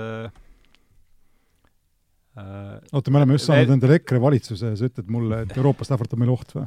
Ei, ma räägin lihtsalt praegu äh, enamuse printsiip näitab meile, kui lihtsalt on see teoreetilisest mudelist, nagu kui aru lihtsalt saad. on Eesti poliitika kaaperdatav seitsmeteistkümne koma kaheksa protsendilise valijaskonna poolt. ära nüüd dramatiseeri üle, kus ta kaaperdatud on, et suurt midagi ei ole muutunud ja ei hakka muutuma ka väga palju, ole, olgem ausad. no vähemalt see, millest me rääkisime siin viisakuse vormis, on täiesti ju aknast välja lennanud. nüüd ministrid võivad lubada endale antisemitismi ja homofoobiat, mida varem nad ei teinud. Aga üks teine asi veel, kui te, kui te juba siin olete mõlema ja see on küll pigem küll äh, Ahtole see küsimus jälle. jälle mulle. ja paraku küsi, küll. küsi midagi Varro käest ka vahelduseks. no mis sa parata, et ega ma ei, ega ma sa oled nõus temaga, ma ei hakka ju varjamagi seda, et ma olen oma veregrupilt pigem ikkagi Varrole lähedal. pealegi, Ahto, sina oled minult rohkem küsimusi küsinud kui Hardo sinult, nii et jah, et, et võib-olla mina peaksin nüüd Hardolt hakkama küsima, et jah, no et minust käib läbi võpatus, kui keegi ütleb midagi juutide kohta. Aga ja samas oled sa võtnud siin ka pra-, praegu kõvasti nuhelnud meid siin meie moslemiviha, väidetava moslemiviha pärast. Nüüd me teame Rootsist ju seda, seda ja sa võid selle muidugi jällegi tõsiasjana kahtluse alla seada, et äh, juudid lahkuvad teatud piirkondades, kus moslemid on, kus moslemid on võimu haaranud, et kuidas sa need kaks asja nagu seal omavahel äh, kokku paned? kas ma pean? no ei, peagi jah, aga aga kui sa sunnid, siis ma tsiteerin sulle kontinendi, Rootsist ma ei ole niisuguseid selliseid asju lihtsalt pole silma jäänud, aga kontinendi äh, Saksamaal eriti juudi organisatsioonide esindajad ütlevad väga selgelt, kui küsida, mis on suurim oht nende arvates nende eludele äh, või nende, mis iganes, nendele äh, Saksamaal, paremäärmuslus, sada protsenti. moslemid moslemiteks, aga moslemitega on ju- juudid elanud kauem kõrvuti kui äh, või mu- sama, sama aja nagu kristlased ilmselt, aga, aga juudid on äh, juudid, juudid teavad moslemeid, ütleme noh, islamit väga hästi ja islamit kui sellist nad ei karda. loomulikult on äärmuslasi igasuguseid ja noh, ütleme niimoodi, et Iisraeli roll kogu selles äh, tänases situatsioonis ei ole ka üheselt mõistetav, aga keda, keda kardavad juudid suurtes Euroopa riikides, on paremäärmuslased. noh, Need päris paremäärmuslased, kes on juba sinna seaduse poolt keelatava territooriumi äh, territooriumile jõudnud või sinna suunas selgelt liikumas noh, selleks on ka terve rida põhjuseid muidugi, aga noh, ma arvan, et meie, kogu meie kõikide lääneriikide julgeolekuteenistused on häälestatud, nagu me ikka äh, võitleme, eelmise, sõdime ka pärast äh, rahu vi-, viimast sõda veel, et kõikide lääneriikide julgeolekuteenistused on äh, häälestatud nende selle paremäärluslaste peale, nii et ma noh, mina sealt nagu su-, esialgu vähemasti sellist suurt ohtu küll ei näe, aga noh, me kas sa kapo, kapo aastaraamatut sa ilmselt ei loe, seal, seal ei olnud paremäärmuslasest ühtegi sõna, ma otsisin seda muuseas. ma noh, ei ole lugenud, jah. seal on küll moslemitest juba päris palju. Varro, on sul midagi lisada? sellele küsimusele? ei, üldse, kui me hakkame nüüd, lihtsalt mul see oli üks asi, mis ma kasut-, juhust ära kasutades tahtsin, tahtsin küsida, aga aga kui me nüüd hakkame jutuajamist koomale tõmbama, et tund nelikümmend viis on, me oleme siin istunud, suuremat, suuremasse tülli pole pööranud, laias laastus on koosviibimine olnud kombekas, nagu oli kavas. et kui nüüd joon, joon alla tõmmata, et no ma ei tea, repliigi korras sellele viimale, selle küsimusele vastates äh, ma küll ei ole näinud, et paremäärmuslaste poolt Euroopas praegu mingisuguseid suuri raputusi või äh, rünnakuid oleks toime pandud, et neid oleks väga põhjust karta, et küll aga oleme näinud, et neid on tulnud üksjagu siin moslemi radikaalide poolt, nii et kui nagu ratsionaalselt või mina neid, ma ei saa sulle selles mõttes vastu vaielda, et ma ei ole näinud mingisuguseid uuringuid ja neid protsente, mida nad näitavad, mida keegi suuremaks ohuks peab, aga kui ratsionaalselt hinnata, siis ma küll ei kujuta ette, kuidas selline järeldus saaks mõistuspärane olla. no teine võimalus on kõik need seitseteist koma kaheksa või palju neid meid siin oli, tembeldada paremäärmuslasteks, siis võib no, ei, siis... ei, ei. no see selleks aga no tegelikult mulle tundub, et oleks olnud isegi parem natukene veel rohkem rääkida sõnavabadusega seonduvatest probleemidest, kui see sõnavabadus keskne teema pidi olema. et vaadates seda skandaali, mis siin viimastel nädalatel või viimase kuu aja jooksul on lahti rullunud seoses Ahto lahkumisega sealt äh, ERR-ist, äh, mis ma arvan, muuseas oli selles mõttes sinu enda vaatepunktist viga, et sa seda tegid. ja kui sa oleks tahtnud sõnavabaduse eest seista, siis sa oleksid võinud öelda ükskõik kellele, et teate, et nutke inimesed, mina räägin täpselt seda juttu, mida ma tahan, kui tahate, hakake, hakake vallandama. sellega sa oleks teinud sõnavabadusele palju suurema teene minu arvates äh, aga noh, muidugi siis sa ei oleks saanud seda Märt Riguandit, mis sulle praegu on osaks langenud aga, aga põhimõtteliselt, mis mulle tundub, et on üheks suureks probleemiks kujunenud, on see, et äh, miks meedia kisab sellisel viisil, nagu oleks sõnavabadus ja pressivabadus Eestis ohtu sattunud, on paljuski seotud sellega, et on pikka aega harjutud ära sellise mugava positsiooniga, kus sa võid teiste kritiseerimisest teha endale põhimõtteliselt elukutse, aga ise sooviksid seista väljaspool kriitikat. ja, ja see on minu meelest vastuvõetamatu positsioon, et kui me vaatame ka Eesti meediaväljaandeid, siis nad praktiliselt teineteist ei kritiseeri millal me oleme näinud seda, et Postimees näiteks kirjutaks oma juhtkirja tasandil, et see, mida Eesti Päevaleht kirjutas, oli täielik jama, eks ole, seal nagu eksiti faktiväidetega, ebaloogilised järeldused niimoodi üleüldse, eks ole, vastuolus nende varasemate seisukohtadega ja nii edasi. ma, mina ei ole mitte kunagi seda mitte ühtegi korda näinud. et mulle tundub, kas see on vaikiv või, või ma tegelikult pigem arvan äh, fikseeritud kokkulepe, suusõnaline ilmselt küll, mitte kirjalik, et äh, meile kõigile on kasulikum, kui me teineteist ei kritiseeri ja, ja sedasi on tegutsetud aastaid, hästi mugav, kõigile teistele on tuld, ise seisame väljaspool kriitikat, äh, kuna meediaväljaanded teineteist ei kontrolli, eks, olles ise ühiskonna valvekoera positsioonis. ja muidugi see on võib-olla liiga absoluutne väide, Ahto kindlasti ütleb, et ei, ma olen siin küll noh, ERR-i eetrit kasutanud, et kritiseerida mõne Postimehe ajakirjaniku väljaütlemisi või midagi sellist, aga see on ikkagi marginaalne, ma arvan, et sellega peavad kõik nõustuma ja kust nüüd see suur kisa on? Minu meelest tekkinud paljuski, ongi see, et äh, on tekkinud ka reaalne võimalus, et meedia ise peab hakkama omaenda tegevuse eest ka vastutust kandma ja taluma senisest suuremat kriitikat. Ja minu meelest see ei ole sõnavabaduse probleem, vaid see on täiesti normaalne vabale ühiskonnale, et ühiskonnas ei ole ühtegi sektorit, mis seisaks väljaspool avalikku kriitikat. Nii et ma tean, sa võid kümmet asja vastu öelda, et, et see sinu kaasusega pole sellel midagi pistmist ja nii edasi, aga ma räägingi laiemas plaanis ja laiemast, laiemast pildist nii et äh, ma tegelikult täiesti kutsuksin üles sellele, et ajakirjanikud peaksid mitte seisma selle eest, et äh, kuidas oli, ERR-i ajakirjanikud pöördusid juhatuse poole, et nad peavad tagama, et poliitiliselt, poliitikud nimeliselt ei kritiseeriks ühtegi ERR-i töötajat, noh, no täiesti absurdne, noh. siis äh, tagage seda, et ei kritiseeri ka näiteks ühtegi poliitikut nimeliselt, eks. loomulikult poliitikud on täpselt samamoodi kodanikud, nagu on ajakirjanikud, neil on ka täiesti samamoodi õigus kritiseerida kõiki ajakirjanikke. nii et mida ma kokkuvõttes öelda tahan, on see, et liiga kergesti ei tohiks ka seda ulgu lahti tõmmata, nagu oleks meil suur probleem sõnavabadusega. tegelikult tuleb ise ka mingis mõttes mehistuda ja taluda kriitikat, äh, muuhulgas sellepärast, et kui see on praegu kriis sõnavabaduse seisukohast, mida me näeme, siis mida me ütleksime, kui nagu päris kriisid peaksid mingil hetkel saabuma ja tõesti riigivõim hakkab muuhulgas näiteks sellesama vaenukõne kriminaliseerimise kaudu päriselt sõnavabadust maha suruma. nii et äh, see on minu meelest väga oluline asi, ei tohi, ei tohi seda vale häirekella lüüa, kui tegelikult ei ole mingisugust sõnavabaduse kriisi, vähemalt selles tähenduses. et kui tahate rääkida siin näiteks sotsiaalmeedias tegelikult kraanide kinnikeeramisest äh, täiesti meelevaldselt, siis äh, sellel on palju rohkem pistmist sõnavabaduse probleemidega. Ahto, lõppsõna iseenesest selle mõttega, et praegune situatsioon ei ole võrreldav või ei saa kuidagi olla võrreldav sellega, kui sõnavabadus üldse ära kaoks, on, sellega ma olen täiesti nõus, ma muidugi ei kasuta siin sõnu nagu ulg ja hüsteeria ja, ja muu sarnane.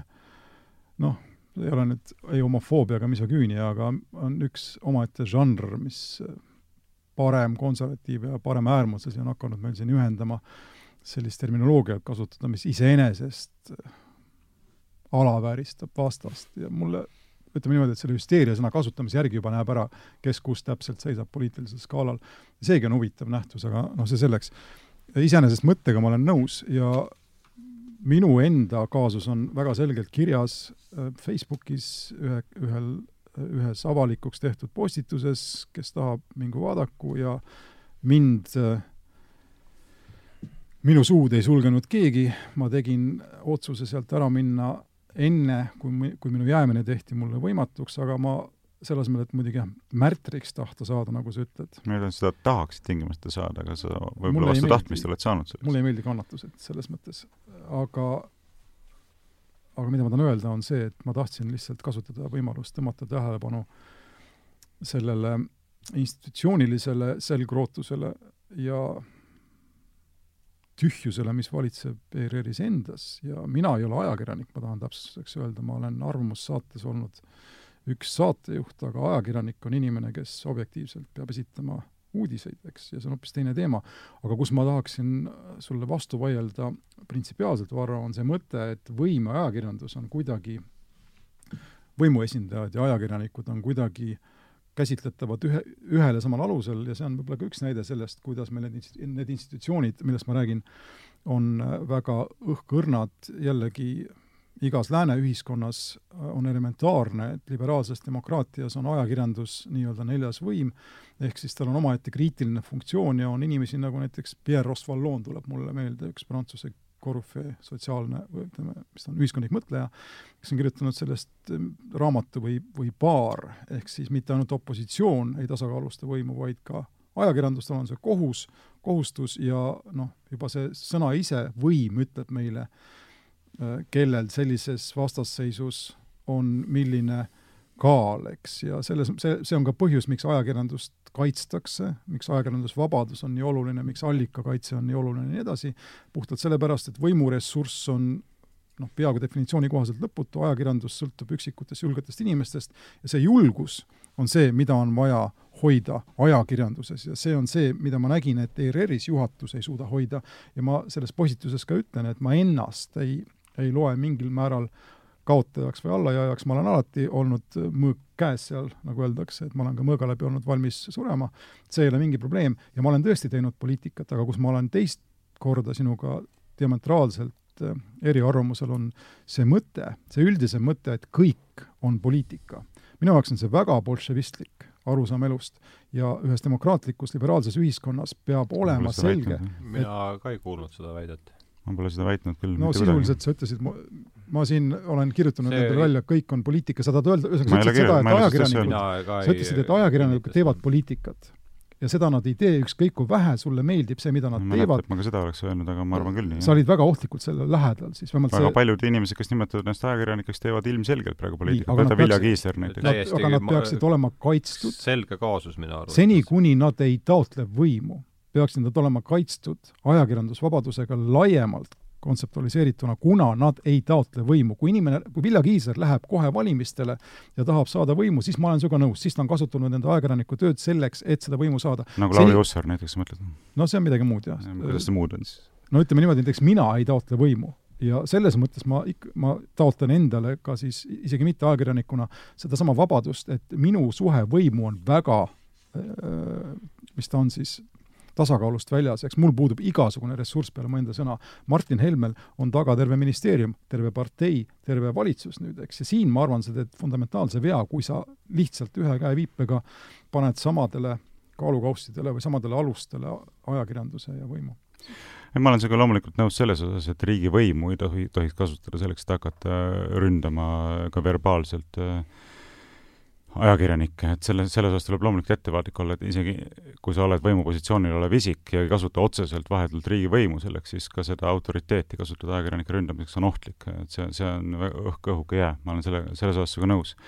Aga põhimõtteliselt, kui inimesed, kes töötavad ajakirjandusväljaannetes, hakkavad tegutsema poliitiliste aktivistidena, siis ma arvan, et nad peavad olema valmis ka võtma mitte ainult need õigused, mis sellega tulevad kaasa, vaid ka siis nagu vastutuse ja ja raskused, mis sellega tulevad kaasa, et seades ennast täpselt samamoodi kriitika objektiks, nagu, nagu on need, keda nad ise kritiseerivad. Hardo, luba, ma küsin ühe küsimuse lõpetuseks, mida ma tahtsin tegelikult siin saate jooksul ära küsida. Ahtolt? jaa, Ahtolt, jah. et ma ei tea, kas sa plaanid otsad kohe kokku tõmmata? ei, meil ma... ei ole selles mõttes ma torkan selle siia, et ise kontserdi hiljaks. ma jäin mõtlema, et kui sina oled praegu lahkumas ERR-ist äh,, olles aastaid juhtinud seal saadet, ütle mulle, kas sa toetaksid seda, et ka näiteks Hardol äh, ja Peeter Espakil või näiteks minul ja Markus Järvil oleks äh, samasugune saade, nagu sinul on aastaid olnud äh, Raadio kahes äh, Olukorrast riigis näol? mina ei, selles nimestikus Peeter Espakist ma ei tea mitte midagi, ma ütlen ausalt, see paar asja, mis mulle silma on jäänud, äh, ma ei loe eriti ka lehti, äh, ma ei oska ta kohta mitte midagi öelda, ma ei, ta, ta ei näe, ta ei näi mulle väljapaistva no, osalisena. võtame Peetri saar... välja sellest valemist lihtsalt tehiolude mõttes. aga no ütleme niimoodi, et sind ma tean, eks, olles ka nüüd siin saates paar korda vestelnud ja Hardot tean ja ja minul ei ole isiklikult midagi, ei oleks midagi selle vastu ja ma arvan, et tegelikult see lahendus ongi seal olemas või peaks olema, algama sealt, et ERR loob äh, teatud piirides. Martin Helmele ma ei annaks sellist show'd. see tal on praegu muudki teha. see, ei, aga see, mis ei ole muud ma räägin sellest show'st, mis tuleb selles, selles kummalise nimega raadiojaamast, eks, see tekst Eesti Rahvusringhäälingu eetrisse ei kõlba. aga näiteks, et te teeksite kahe, kahe, kahe peale, kui te viitsiksite teha äh, päevapoliitilist show'd korra nädalas, ma ei näe, ma ei näe selles probleemi, päris ausalt, ja ma arvan, et siin on, nagu ma ütlesin, ka selle lahenduse algus, koht, kus on mindud põhimõtteliselt kahtepidi nagu valele teele, on e, selles riigiajakirjanduses üritada säilitada sellist, äh, mina olen ka seal muuseas erand, kui sa vaatad, keskmine saatejuht on keskealine või vanem keskealine mees, kes esindab sellist mõõdukat konservatiivsust ja ma arvan, et see on konservatiivsus? no ma ei ütleks, et samast oleks väga, no me võime siin vaielda, aga et, et need inimesed oleksid väga sotsialistlikud, ütleme niimoodi, kas sa tead ühtegi sotsialistlikku saatejuhti näiteks, eks, ei ole ühtegi äärmuskonservatiivi, ei ole ühtegi sotsialisti. mina olen liberaal, ma olen teistpidi äärmuslane, aga mitte, mitte, mitte sotsialistlikult äärmuslane. ja, sorry, ma lõpetan selle mõttena. rahvusringhääling minu arvates on tegelikult õige koht, kus tõesti selliseid asju teha, et sul on olemas konservatiivne show, inimesed, kes tahavad seda kuulata, kuulavad seda konservatiivset show'd, sul on olemas mingisugune, ütleme, liberaalne show, sul on olemas vasakpoolne show. enam-vähem on see spekter kaetud, ma absoluutselt ei vaidle sellega. kõlab päris mõistliku. no näed, jälle ühest punktist jõudsime üksmeelele. ja see tuleks ära teha, aga teistpidi Eesti, see on nüüd Vilja Kiisleri kaasus, minu meelest väga erinev, Eesti äh, eraajakirjanduses probleem on selles, et liberaalidel ei ole mitte kusagile minna Eestis ei ole liberaalset meediamaja ja meil on see harjumus olnud ka seal, et kõik lehed katavad absoluutselt kõiki vaatepunkte. ja ma ei, ma ei arva, et see oleks ka väga mõistlik, arvestades siin Suurbritanniat ja Prantsusmaad ja Saksamaad, kui sa ostad ühe lehe, sa enam-vähem tead, missugust mõtet sa sealt loed, eks. ja ma ei leia, et selles oleks probleem, kui asjad oleksid, meil oleks, ütleme, liberaalne leht, konservatiivne leht, nii edasi, aga kui Rahvusringhäälingus on võimalik nii-öelda noh, seadusega paika panna, eks, tõlgendada seda niimoodi, et sul on konservatiivne show, sul on liberaalne show ja sul on sotsialistlik show, et see on tasakaal, eks. siis erasektoris seda võimalust ei ole ja selles mõttes liberaalset vaadet kahjuks, nagu ka täna siin on näha, tuleb kaitsta, sest et ma olen vähemuses, eks. ja meie oleme kaitsnud liberaalset vaadet sinu eest, Ahto, tänasel peamiselt kuulge, aga see oli päris hea niisuguse elu jaata, elu jaatav humoristlik lõpp sellele vaidlusele, kus olid ka oma sellised teravamad hetked, nagu, nagu nad ikka, noh, selle mõttega olime ka siia tulnud.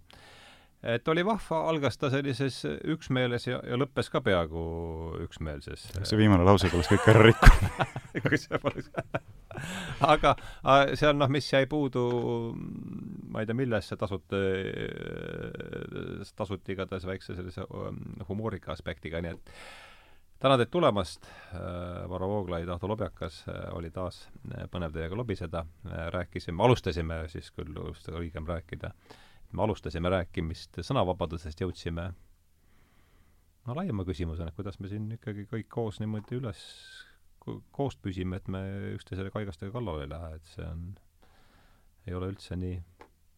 Mul ei ole mingit plaani üheski tulevikus minna Varole kõik kaikaga kallale, nii et ma, sa muretsed üle. no jah hästi-hästi, ma ei pidanudki ta peab kindlasti silmas, et tal on palju tõhusamad relvad kui vaikud isegi seda et äh, eks jah, tegemist on siin tõepoolest äh, loomu poolest sellise mustade stsenaariumite spetsialistiga, aga aga ka nendele, nende, neist ei saa ka päris mööda vaadata. nii et tänan teid tulemast ja, ja siis äh, lähme siis rahvus laiali ja äh, üritame sellist äh, rõõmsat ellusuhtumist kultiveerida enda ümber. suur tänu kutsumast, alati valmis vestlema, arutama. sama siin. aitäh, head õhtut!